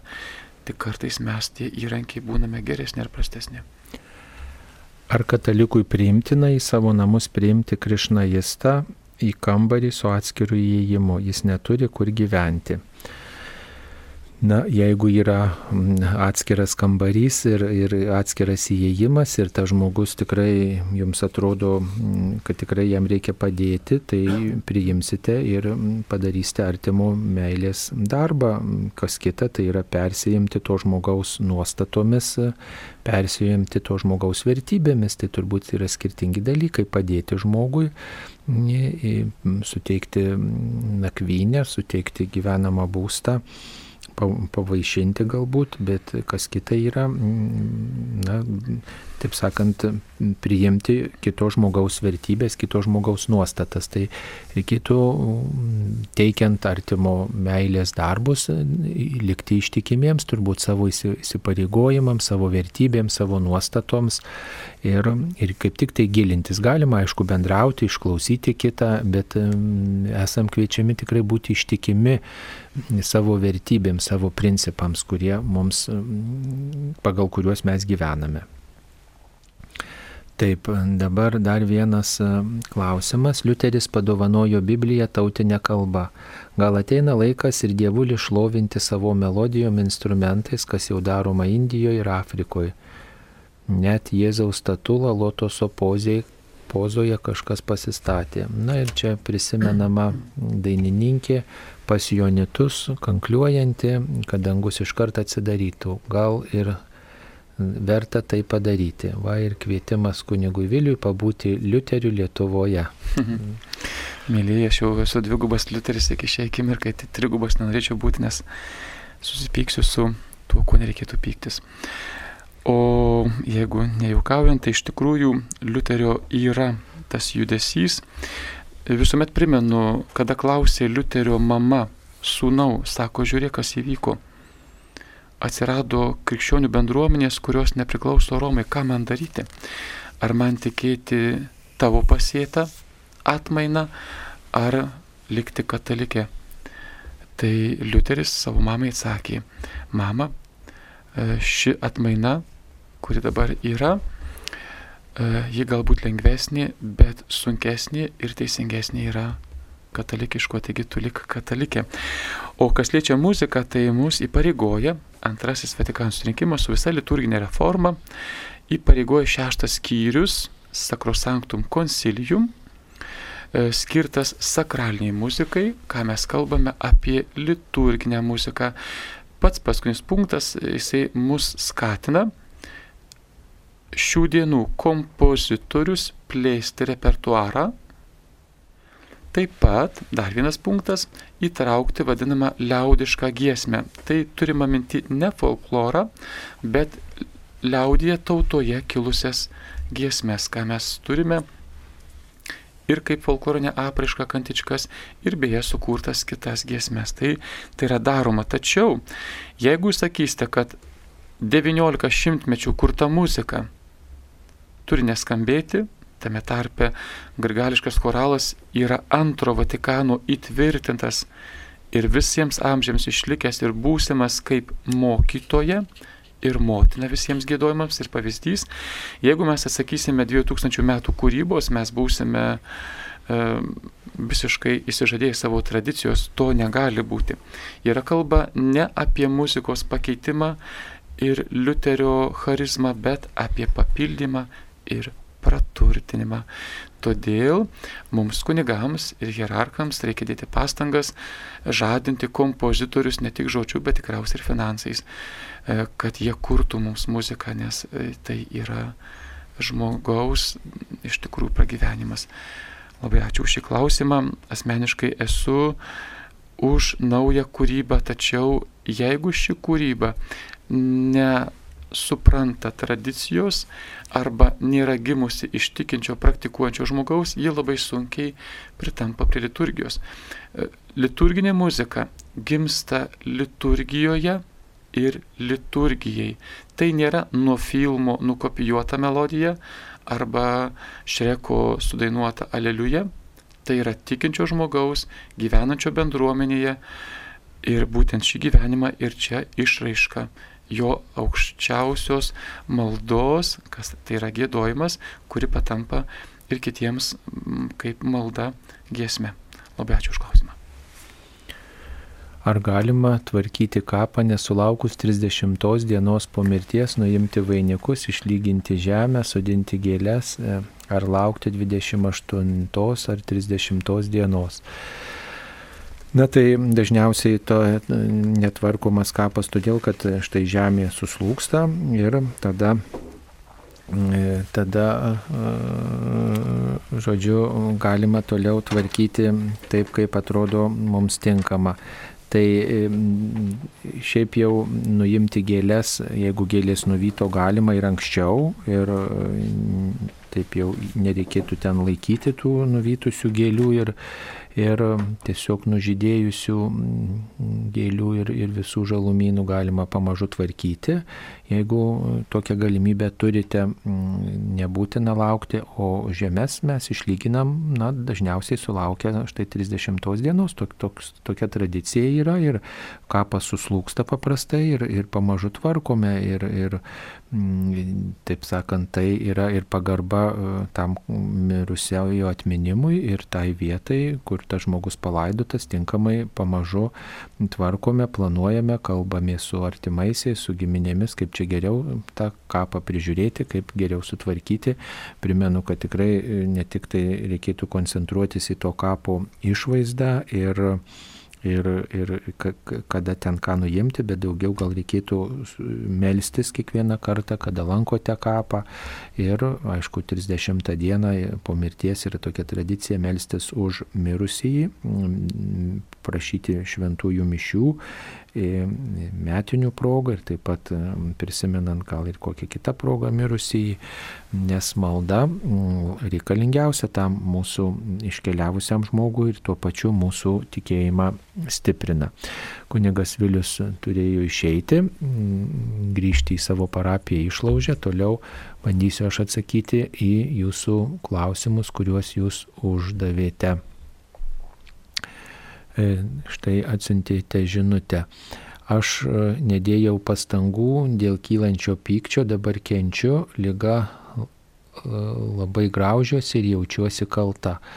Na, jeigu žmogus tikrai toks emocionalus, turi daug pykčio ir įkamuoja negalę, tai tikrai savęs kaltinti labai nereikėtų, tik tai numatyti turbūt tas akimirkas, to, tas situacijas, kai, kai mūsų emocijos sukyla ir neskubėti reaguoti. Neskubėti reaguoti, duoti savo truputį laiko, duoti tokio atstumo, nuo situacijos, nuo, nuo, nuo kitos mens, atsitraukti šiek tiek ir apgalvoti, kas čia įvyko, kad paskui po to nereikėtų labai graužtis, kad labai įskaudinau ir pasakiau kažkokius piktus žodžius kitiems žmonėms. Nes esam kviečiami vis tiek jausti atsakomybę už savo žodžius ir už mūsų tarpusavio santykius. Kartais žmogus taip sakant, pasikarščiuoja, o paskui dėl to labai kiti būna ir sužeisti, ir pats žmogus prastai jaučiasi. Na tai tiesiog reikia tokias, tokioms akimirkoms, kada emocijos mūsų sukils ir tas pyktis kažkaip pasireikš, truputį pasiruošti. Na tai tiesiog galbūt išeiti iš kambario arba nutilti, giliai įkvėpti oro, na bandyti tiesiog save stebėti iš šalies, bandyti truputį gal ir su humoru pasižiūrėti savo situaciją, kad neliktume įkaitai savo lygų, savo emocijų, bet kad mūsų vertybės visuomet imtų viršų taip atsakytume. E, taip, toliau dar tokią žinutę turime apie e, apreiškimus. Ar gali būti apreiškimas ar regėjimas tik iš Dievo? Daug dabar tokių kalbančių su Dievu kaip atskirti. Na tai čia ir merkinės piramidė mini, kad ten daug kryžių. Na matot, pirmiausiai atskiria ne pats žmogus, bet atskiria kompetitingą, vis dėlto kompetitingi asmenys. Šiuo atveju vis dėlto reikėtų pasikliauti nuodėm klausiu dvasios tėvų, o kai kuriais atvejais net ir viskupai sudaro tam tikras komisijas ir tyria e, tuos apsireiškimus, vizijas, regėjimus ir vis dėlto nereikėtų tapti vien tik pačiam savo teisėjų šiuo, šiuo atveju kaip ir daugeliu kitų, vis dėlto tarti su kitais žmonės, mimis ir tarti su tais, kurie turi specialią patirtį, specialią kompetenciją, įgaliojimus turi ir šiuo atveju, jeigu mes mm, nuolankiai e, su meilė, su pagarba ieškom tiesos, tai, e, na, taip sakant, kantriai turime tuo keliu ir eiti. Žinome, kad net ir tie apreiškimai, apsireiškimai, kuriuos mm, patyrė pavyzdžiui, ir Šventoji Faustina, ir Bernadeta Subirų, ir tie piemenėliai Fatimoje 1917 metais, jie, na, tie apsiriškimai nebuvo iš karto pripažinti, jie susilaukė ir tam tikro priešiškumo, ir kritiškumo, ir buvo įvairiai svarstomi, ir, ir buvo ribojamas jų skelbimas, ir, ir jie draudžiami buvo viešai skelbti tam tikrą laiką dėl to, kad nebuvo įsitikinta jų antgamtiškumu, jų jų, jų tokio skelbimo vertingumu, naudingumu. Tai jeigu mes pradėsim visus čia kaltinti, kad čia nepripažįsta, nes nesupranta, nes mažo tikėjimo ir panašiai, tai būsim pilni puikybės. O štai kaip Faustina, kaip ir Bernadeta ir kaip tie vat pėmenėliai Portu, Portugalijoje, jie buvo be galo nuolankus, kantrus, ištikimai laukė ir pavedė savo liūdėjimus tam tikrai kompetitingai mm, atstovybei, kompetitingai komisijai, kuri svarstė svarstė visų tų istorijų tokį autentiškumą ir, ir antgamtiškumą. Tai, Tai turbūt e, ir šiuo atveju tą reikėtų, kiekvieno atveju tą reikėtų irgi tai padaryti, nes pavyzdžiui, merkinės piramidės e, įvykių jokia dvasinė valdžia nėra pripažinusi. Pats tas autorius, kuris ten patyrė, tik tai tą skleidžia ir žmonės, kurie ten lankosi, taip pat tuo dalinasi. Bet tai nėra pakankamas liūdėjimas ir nėra pakankamas argumentas, kad tuo būtų tikima. Galime mes prie bet kokių burtų, magijos, prie, prie e, kažkokios ezoterikos pridėti kryžių, pridėti paveikslų ir sakyti, va čia yra kažkas ant gamtiško, bet nuo to e, tai nepasidarys dvasiškai naudinga ir nepasidarys krikščioniška. Suprantate, turi vis dėlto būti nuoseklus tam tikras tyrimas e, ar tas pats apsireiškimas, to apsireiškimo nešama žinia neprieštarauja prieštarauja didžiajam apreiškimui, kuris atskleistas per Jėzų Kristų, per bažnyčią tūkstančius metų bes, besitęsianti žinia, bes, be, be, be nešama žinia, ar tai nėra prieštaraujantis dalykas, tik tai tuomet tai galima pripažinti, kad tai krikščioniškam tikėjimui yra naudingas dalykas. Tai reikia žiūrėti bendro konteksto truputėlį, ne tik tai paimti, yra kryžius, tai aš galiu pasitikėti, bet reikia truputį pažiūrėti, o ką apie tai sako dvasiniai autoritetai, ką apie tai sako Mm, tiek kompetenciją turintys asmenys ir, ir kokie yra liūdėjimai ne kažkokio žmogaus privatus patyrimai, išgyjimai, dar kažkas, bet kokia yra e, bendra tokia nuostata mm, ir, ir kokie, yra, kokie tokie gilesni vaisiai, tolesni vaisiai, bet kokio apsireiškimo. Tai tiek atsak, taip atsakytume, dabar dar viena žinutė apie e, kapines. Ar galima nuo savo kapinių naudoti savo namuose buvusius akmeniukus, kurie buvo užpilti na, ant kapavietės matyt. Tai žinoma, kad galima ir nieko čia nereikia, taip sakant, mistifikuoti. Jūs panaudojat kaip fizinę medžiagą, taip sakant, jūsų, jūsų artimieji ten palaidoti, jūs tiesiog pertvarkite kapines, kapą, kapavietę, pertvarkite kitaip ir štai liko kažkokia medžiaga, skalda ar dar kažkas, ją panaudojate kitur, kad nebūtų išmesta ir, ir čia nieko nėra kažko tokio, kas um, būtų nenaudinga, kas būtų žalinga. Tiesiog melskitės už savo mirusius artimuosius, patys laikykitės um, Dievo įsakymų, patys būkite maldo žmonėmis ir kai bus galimybė lankykite bažnyčią, šveskite sakramentus ir mm, tiesiog atmeskim bet kokius burtus, magiją, bet kokius prietarus ir, ir niekas mums nekenks, jeigu mes tik tai esame, taip sakoma, geros valios žmonės ir pasitikim Dievo veikimu. E, taip, dabar dar viena žinutė apie psichikos ligonį, ar jis gali priimti švenčiausiai sakramentą. Taip, jis gali priimti švenčiausiai sakramentą, jeigu tik tai na, tinkamai pasiruošia, kaip ir bet kuris žmogus su negaliai yra kviečiamas tinkamai pasiruošti.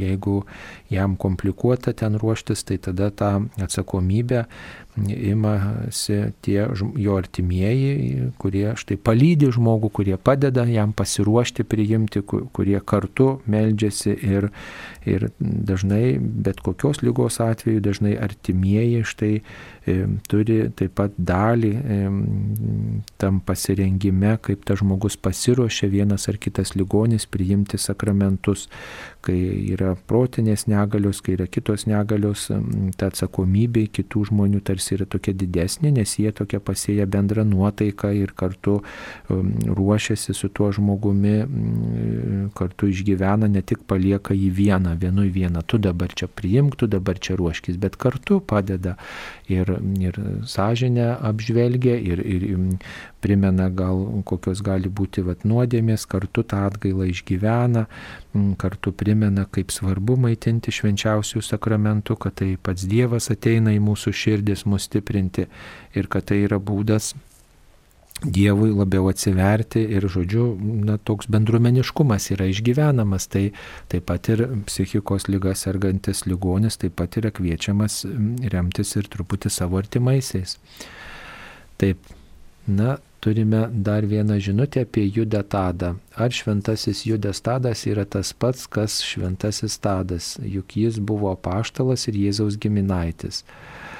Mm, tai e, Judas Tadas, taip, tai yra tas pats e, šventasis Jėzaus giminaitis, kuris e, laikomas globėjų esančių tokiuose sunkiuose ir beviltiškose situacijose, kai kas net ir šios pandemijos metu kviečia melstis į Judą Tadą ir mm, prašyti jo pagalbos sunkiose kritinėse situacijose. Ar per paskutinę vakarienę visi sėdėjo, gal gulėjo, kai buvo įprasta tų laikų romėnams, tada ir kojų plovimas atrodytų kitaip. Na taip, paskutinė vakarienė mm, Jėzaus ir apaštalų būrelį buvo šiek tiek kitokia negu kad mes įsivaizduojam arba kad matom dažniausiai E, paveiksluose, pavyzdžiui, Leonardo da Vinci.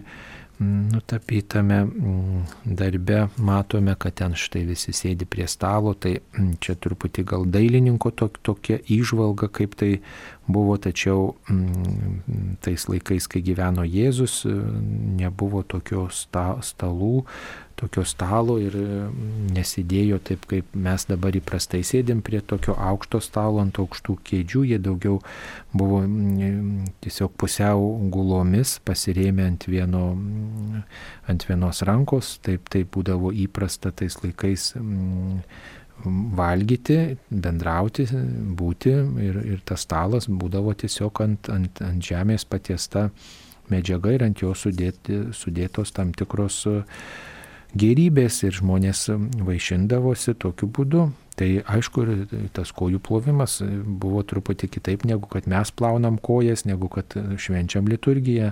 Dabar tai kiekvienu laikmečiu savos tradicijos ir sava kultūra yra ir turbūt kitaip žmonės dar po šimto metų e, gal ir renksis ir, ir turės kitus papročius, bet svarbiausiai turbūt ne tik tai kaip ten sėdėjo, kaip ten plovė, bet ką tai reiškia. Visuomet mes labiau į tai gilinamės, ne tiek į tai tas išorinės detalės, e, jos tokia mūsų gal akiratį praplečia ir bendrai padeda tokį turtingumą suprasti, kultūrų turtingumą, bet daug svarbiau turbūt e, suvokti, o ką tai reiškia, kas įvyko per paskutinę vakarienę ir ką e, Jėzus norėjo pasakyti plaudamas mokiniams kojas. Juk jis norėjo duoti artimo meilės, tarnystės pavyzdį. Tai yra svarbiausia ir tai nesikeičia per šimtus ir tūkstančius metų. Tarnystės pavyzdys, artimo meilės pavyzdys, kad tas vyresnysis, kad tas atsakingas, kad tas turintis valdžią, jis nėra tik tai tas, kuris įsakinėja, duoda nurodymus, bet yra tas, kuris patarnauja, kuris įsiklauso, kuris pasilenkia, kuris pagerbė tą žmogų, kuris nusižemina, e, ne tik, ne tik tai duoda komandą, ne tik tai pasako savo valią, bet ir tas, kuris pasilenkia prie pačio silpniausio žmogaus. Vat štai kokia yra Jėzaus žinia. Ir e, vat mes turėtume apie tai daugiau pagalvoti. Ir e, ta žinia nesikeičia per ilgus metus. Garbė Jėzui Kristui ir tėvo namuose, tėvo namuose daug buveinių. Kokios tai buveinės? Na, e, turbūt e, taip norima pasakyti, kad tos buveinės yra vis dėlto galimybė būti su Dievu, na, Dievui, vienam Dievui žinomų būdų, kad e, pas Dievą turbūt mes nukeliaujam įvairiais būdais ir kad viešpats mus priima prisitaikydamas prie mūsų situacijos, prie, prie mūsų kultūros, prie mūsų istorijos, prie mūsų aplinkybių ir, ir kad e, Dievas suteiks mums savo savo artumą, labai paisydamas mūsų ir interesų, ir mūsų tokio vis dėlto mūsų istorijos, mūsų kultūros ir kad mes eidami pas viešpatį kiekvieną surasim tokią savo prieigą, nes Dievas kiekvieną myli savitai, savitų būdu ir kiekvienam savitą būstą ruošia. Ir nėra taip, kad mes būt, būsim suvaryti į kažkokią salę ir ten visiems bus vienodai duota, e, taip sakant, kaip čia esam priimami, kokiam nors renginiui vienodai kiekvienam lėkštė, vienodai kiekvienam šaukštas, ten davinys kažkoks visiems vienodai. Taip, viešpats e, turi tam tikrus kriterijus, kurie taikomi visiems žmonėms, tačiau į kiekvieno žmogaus istoriją žmogus, Dievas, Dievas ir žmogus, mūsų brolis Jėzus Kristus, jis įsiklauso, nes jis buvo mūsų brolis, jis vaikščiojo šito žemės keliais, jis mūsų prigimti pažįsta, mūsų istoriją žino ir, ir mums tikrai suras būdą, kaip mums būti Dievo artumoje. Tai tiesiog žiūrėkim plačiau į šitus žodžius, kad viešpats prisitaiko prie kiekvieno žmogaus, kaip ir čia prisitaiko žemė, juk žiūrėkit kalba kiekvienam Dievas savitų būdų per jo istoriją, per, per švento rašto žodžius, per sutiktų žmonės, per įvairius įvykius. Kiekvienam Dievas jo istorijoje kalba ir įsiterpia tam tikrų būdų ir tam tikrų metų sulaukia, kada jau žmogaus širdis labiausiai yra atsivėrusi. Tai ir amžinybė viešpats tą tokį mūsų ir jo santykio unikalumą išsaugos. Tai yra labai gražus dalykas, kad viešpats na, neniveliuoja mūsų visų. Taip, čia dėkoja visiems kunigams vienas klausytojas ir sveikina visus su šventomis Velykomis ir svarsto apie 20 val. maldą į šventąjį Juozapą. Kodėl Juozapas įvardyjamas kaip palaimintasis, o ne kaip šventasis? Na, mes jau esam svarstę šitą klausimą, kad tas Juozapo pavadinimas palaimintuoju nėra mm, tas mm, laipsniavimas šventumo, bet daugiau yra kalbėjimas apie tai, kad kiekvienas, kas yra Dievo akivaizdo, yra palaimintas, jis reiškia turi palaimą, pilnatvę tokią, reiškia palaima yra regėti Dievą, palaiminimas yra būti Dievo akivaizdo, palaiminimas yra gyventi pagal jo žodį ir pasiekti dangaus karalystę. Tai reiškia visi ten yra palaimintieji, ta prasme, kad jie turi Dievo duotą palaimą. O, o kaip mes čia vadinam, skirstom, reiškia vieni yra dar palaimintieji nepaskelbti šventaisiais, o kiti jau, jau paskelbti šventaisiais, nes jų gyvenime yra įvykę stebuklų, tai ne ta prasme Juozapas vadinamas palaimintuoju, bet kita prasme, kaip tas, kuris regi viešpaties veidą. Net ir mergelė Marija tekstuose taip pat vadinama palaimintoji mergelė Marija, nes ji e, buvo išrinkta būti viešpaties motina, buvo Dievo apgaupta palaima ir ji dabar regi dievas, Dievą veidas į veidų, su kūnu ir siela paimta į dangų ir ji yra toji palaimintoji, reiškia pilna palaimos. Ir kiekvienas žmogus, kuris pasiekia Dievo artumą, yra tas pilnas palaimos. Va, štai į šitą prasme gilindamiesi mes ir Juozapą vadinam palaimintuoju. Na, čia dar turim tokį pasiūlymą per radiją transliuoti daugiau giesmių, velykinių giesmių, kurios džiugina sielą. Ir gal, galite pranešti, kada transliuojamos mišios per Lietuvos radijo, per LRT. Na, e, žinot, e, mes pranešam, kiekvienas kanalas rūpinasi savo turbūt žinios nešimu ir visų pranešti, kur, kokiu, kokioj televizijoje e, transliuojamos mišios būtų sunku apriepti, nes yra per įvairius kanalus mišios transliuojamos ir per YouTube kanalą, ir, ir per Facebookus, tai tiesiog kiekvienas, kiekvienas parapijos kunigas rūpinasi, kad štai jo parapiečiai galėtų šiuo karantino metu e, būti na, tokia maldos režime, maldos ritme ir turėtų galimybę girdėti, stebėti galbūt šventasias mišes, jeigu negali dalyvauti. Tai mm, tiesiog na, reikėtų na, domėtis turbūt patiems į, į, įvairiais būdais ieškoti tos informacijos. Tuo tarpu Marijos radijas primena, kad šventos mišios per Marijos radiją karantino metu transliuojamos į 12 val. dieną ir vakare 19 val. Taip trumpai atsakytume. E, dar turime keletą žinučių e, kodėl negalime eiti iš pažinties ir priimti šventą komuniją, jei nesi bažnytinėje santokoje, o jei eina ar didelė nuodėmė. Na, jeigu žmogus nėra susituokęs nei civiliškai, nei bažnytiškai, jisai gali eiti ir iš pažinties, ir šventos komunijos. Jei žmogus e, gyvena be bažnytinės santokos su kito asmeniu, jis nusideda, sulaužydamas na, skaistumo, mm, skaistumo tokią mm, įsakymą. Nepaleistuvau, kaip sakant, sulaužomas įsakymas, nes be įsipareigojimo žmogus turi artimus ryšius su kito asmeniu, be, tokio, be atsakomybės kuria šeimos ryšį, be tokio įsipareigojimo, be pasižadėjimo ir, na, žinom, kad tai šeimos ryšys nėra tik tai žmonių reikalas, bet mes ir įsipareigojam prieš Dievą. Ir dažnai žmonės besiskiriantis šitai pamiršta Tie, kurie kuria šeimą, dažnai pamiršta tai ir tie, kurie skiriasi, dažnai tai pamiršta, kad jie ne tik tai kitam žmogui įsipareigojo, bet jie ir Dievui prisiekė rūpintis kitų žmogumi.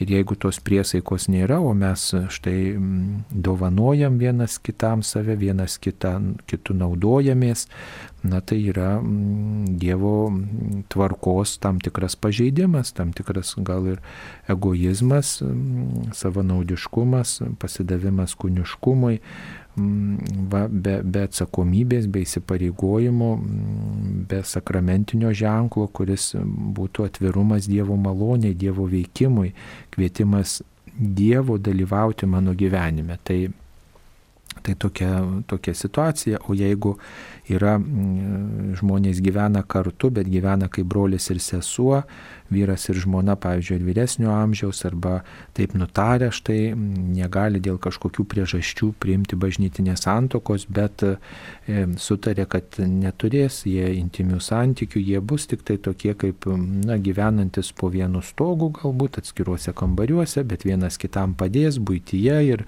ir visokiuose reikaluose bus parama, duos patarimą vienas kitam, teiks pagalbą, toks broliškas ryšys, tuomet pagarba vienas kitam už užtikrinama ir mm, žmogus gali eiti iš pažinties ir šventos komunijos, bet taip pat reikia galvoti, ar mes nepapiktinam toj parapijoje, mūsų aplinkoje gyvenančių žmonių, kad štai mes gyvenam, atrodo, kaip šeima, bet, bet štai nėra įsipareigojimo tam tikro vienas kitam, o, o štai einam sakramentų. Tai irgi apie tai verta svarstyti ir pasitarti su e, nuodėmklausiu, kaip tik tai bus galimybė. Taip, na, dar yra e, toks vienas pastebėjimas, malonėkite atsakyti, jeigu aš vietoj rožinio maldų meldžiu kitas maldas Kristaus kraujo litanė bei kitas maldas iš maldinėlių, o rožinio nemėgstu, skaitau, kad nuobodoka monotoniška vietoj e, to imu kitas maldas. Na tai jūsų pasirinkimas turbūt kokias maldas melstis. Tiesiog yra maldų įvairovė ir kiekvienas žmogus savo dvasinį gyvenimą ugdo taip, kaip jam atrodo tinkama. E, reikėtų taip pat kalbėti su savo nuodėmklausiu arba dvasios tėvu apie savo maldos gyvenimą ir pasitarti ir tiesiog labai asmeniškai gali vardinti, kodėl va jums atrodo nuobodoka. Galbūt e, mes turim daugiau tokios puikybės, išdidumo, kad atmetam tokią maldą, o gal mes kaip tik tai gal esam kviečiami atrasti mm, įvairesnės maldas ir galbūt ir e, tą, tą vieną ar kitą maldą kalbėdami, kad ir nuobodesnė, mes ugdom save, ugdom kantrumą, ištvermę tokiu būdu. Tai apie tai reikia kalbėtis e, labai asmeniškai su mūsų nuodėmklausiais. Tai tiek suspėjome atsakyti šiandien į jūsų klausimus. Ačiū mm, laidoje dalyvavusiam kunigui Viliusiu Korskui, taip pat prie mikrofono buvau ir aš, kunigas Saulis Bužauskas. Geros kloties sudė.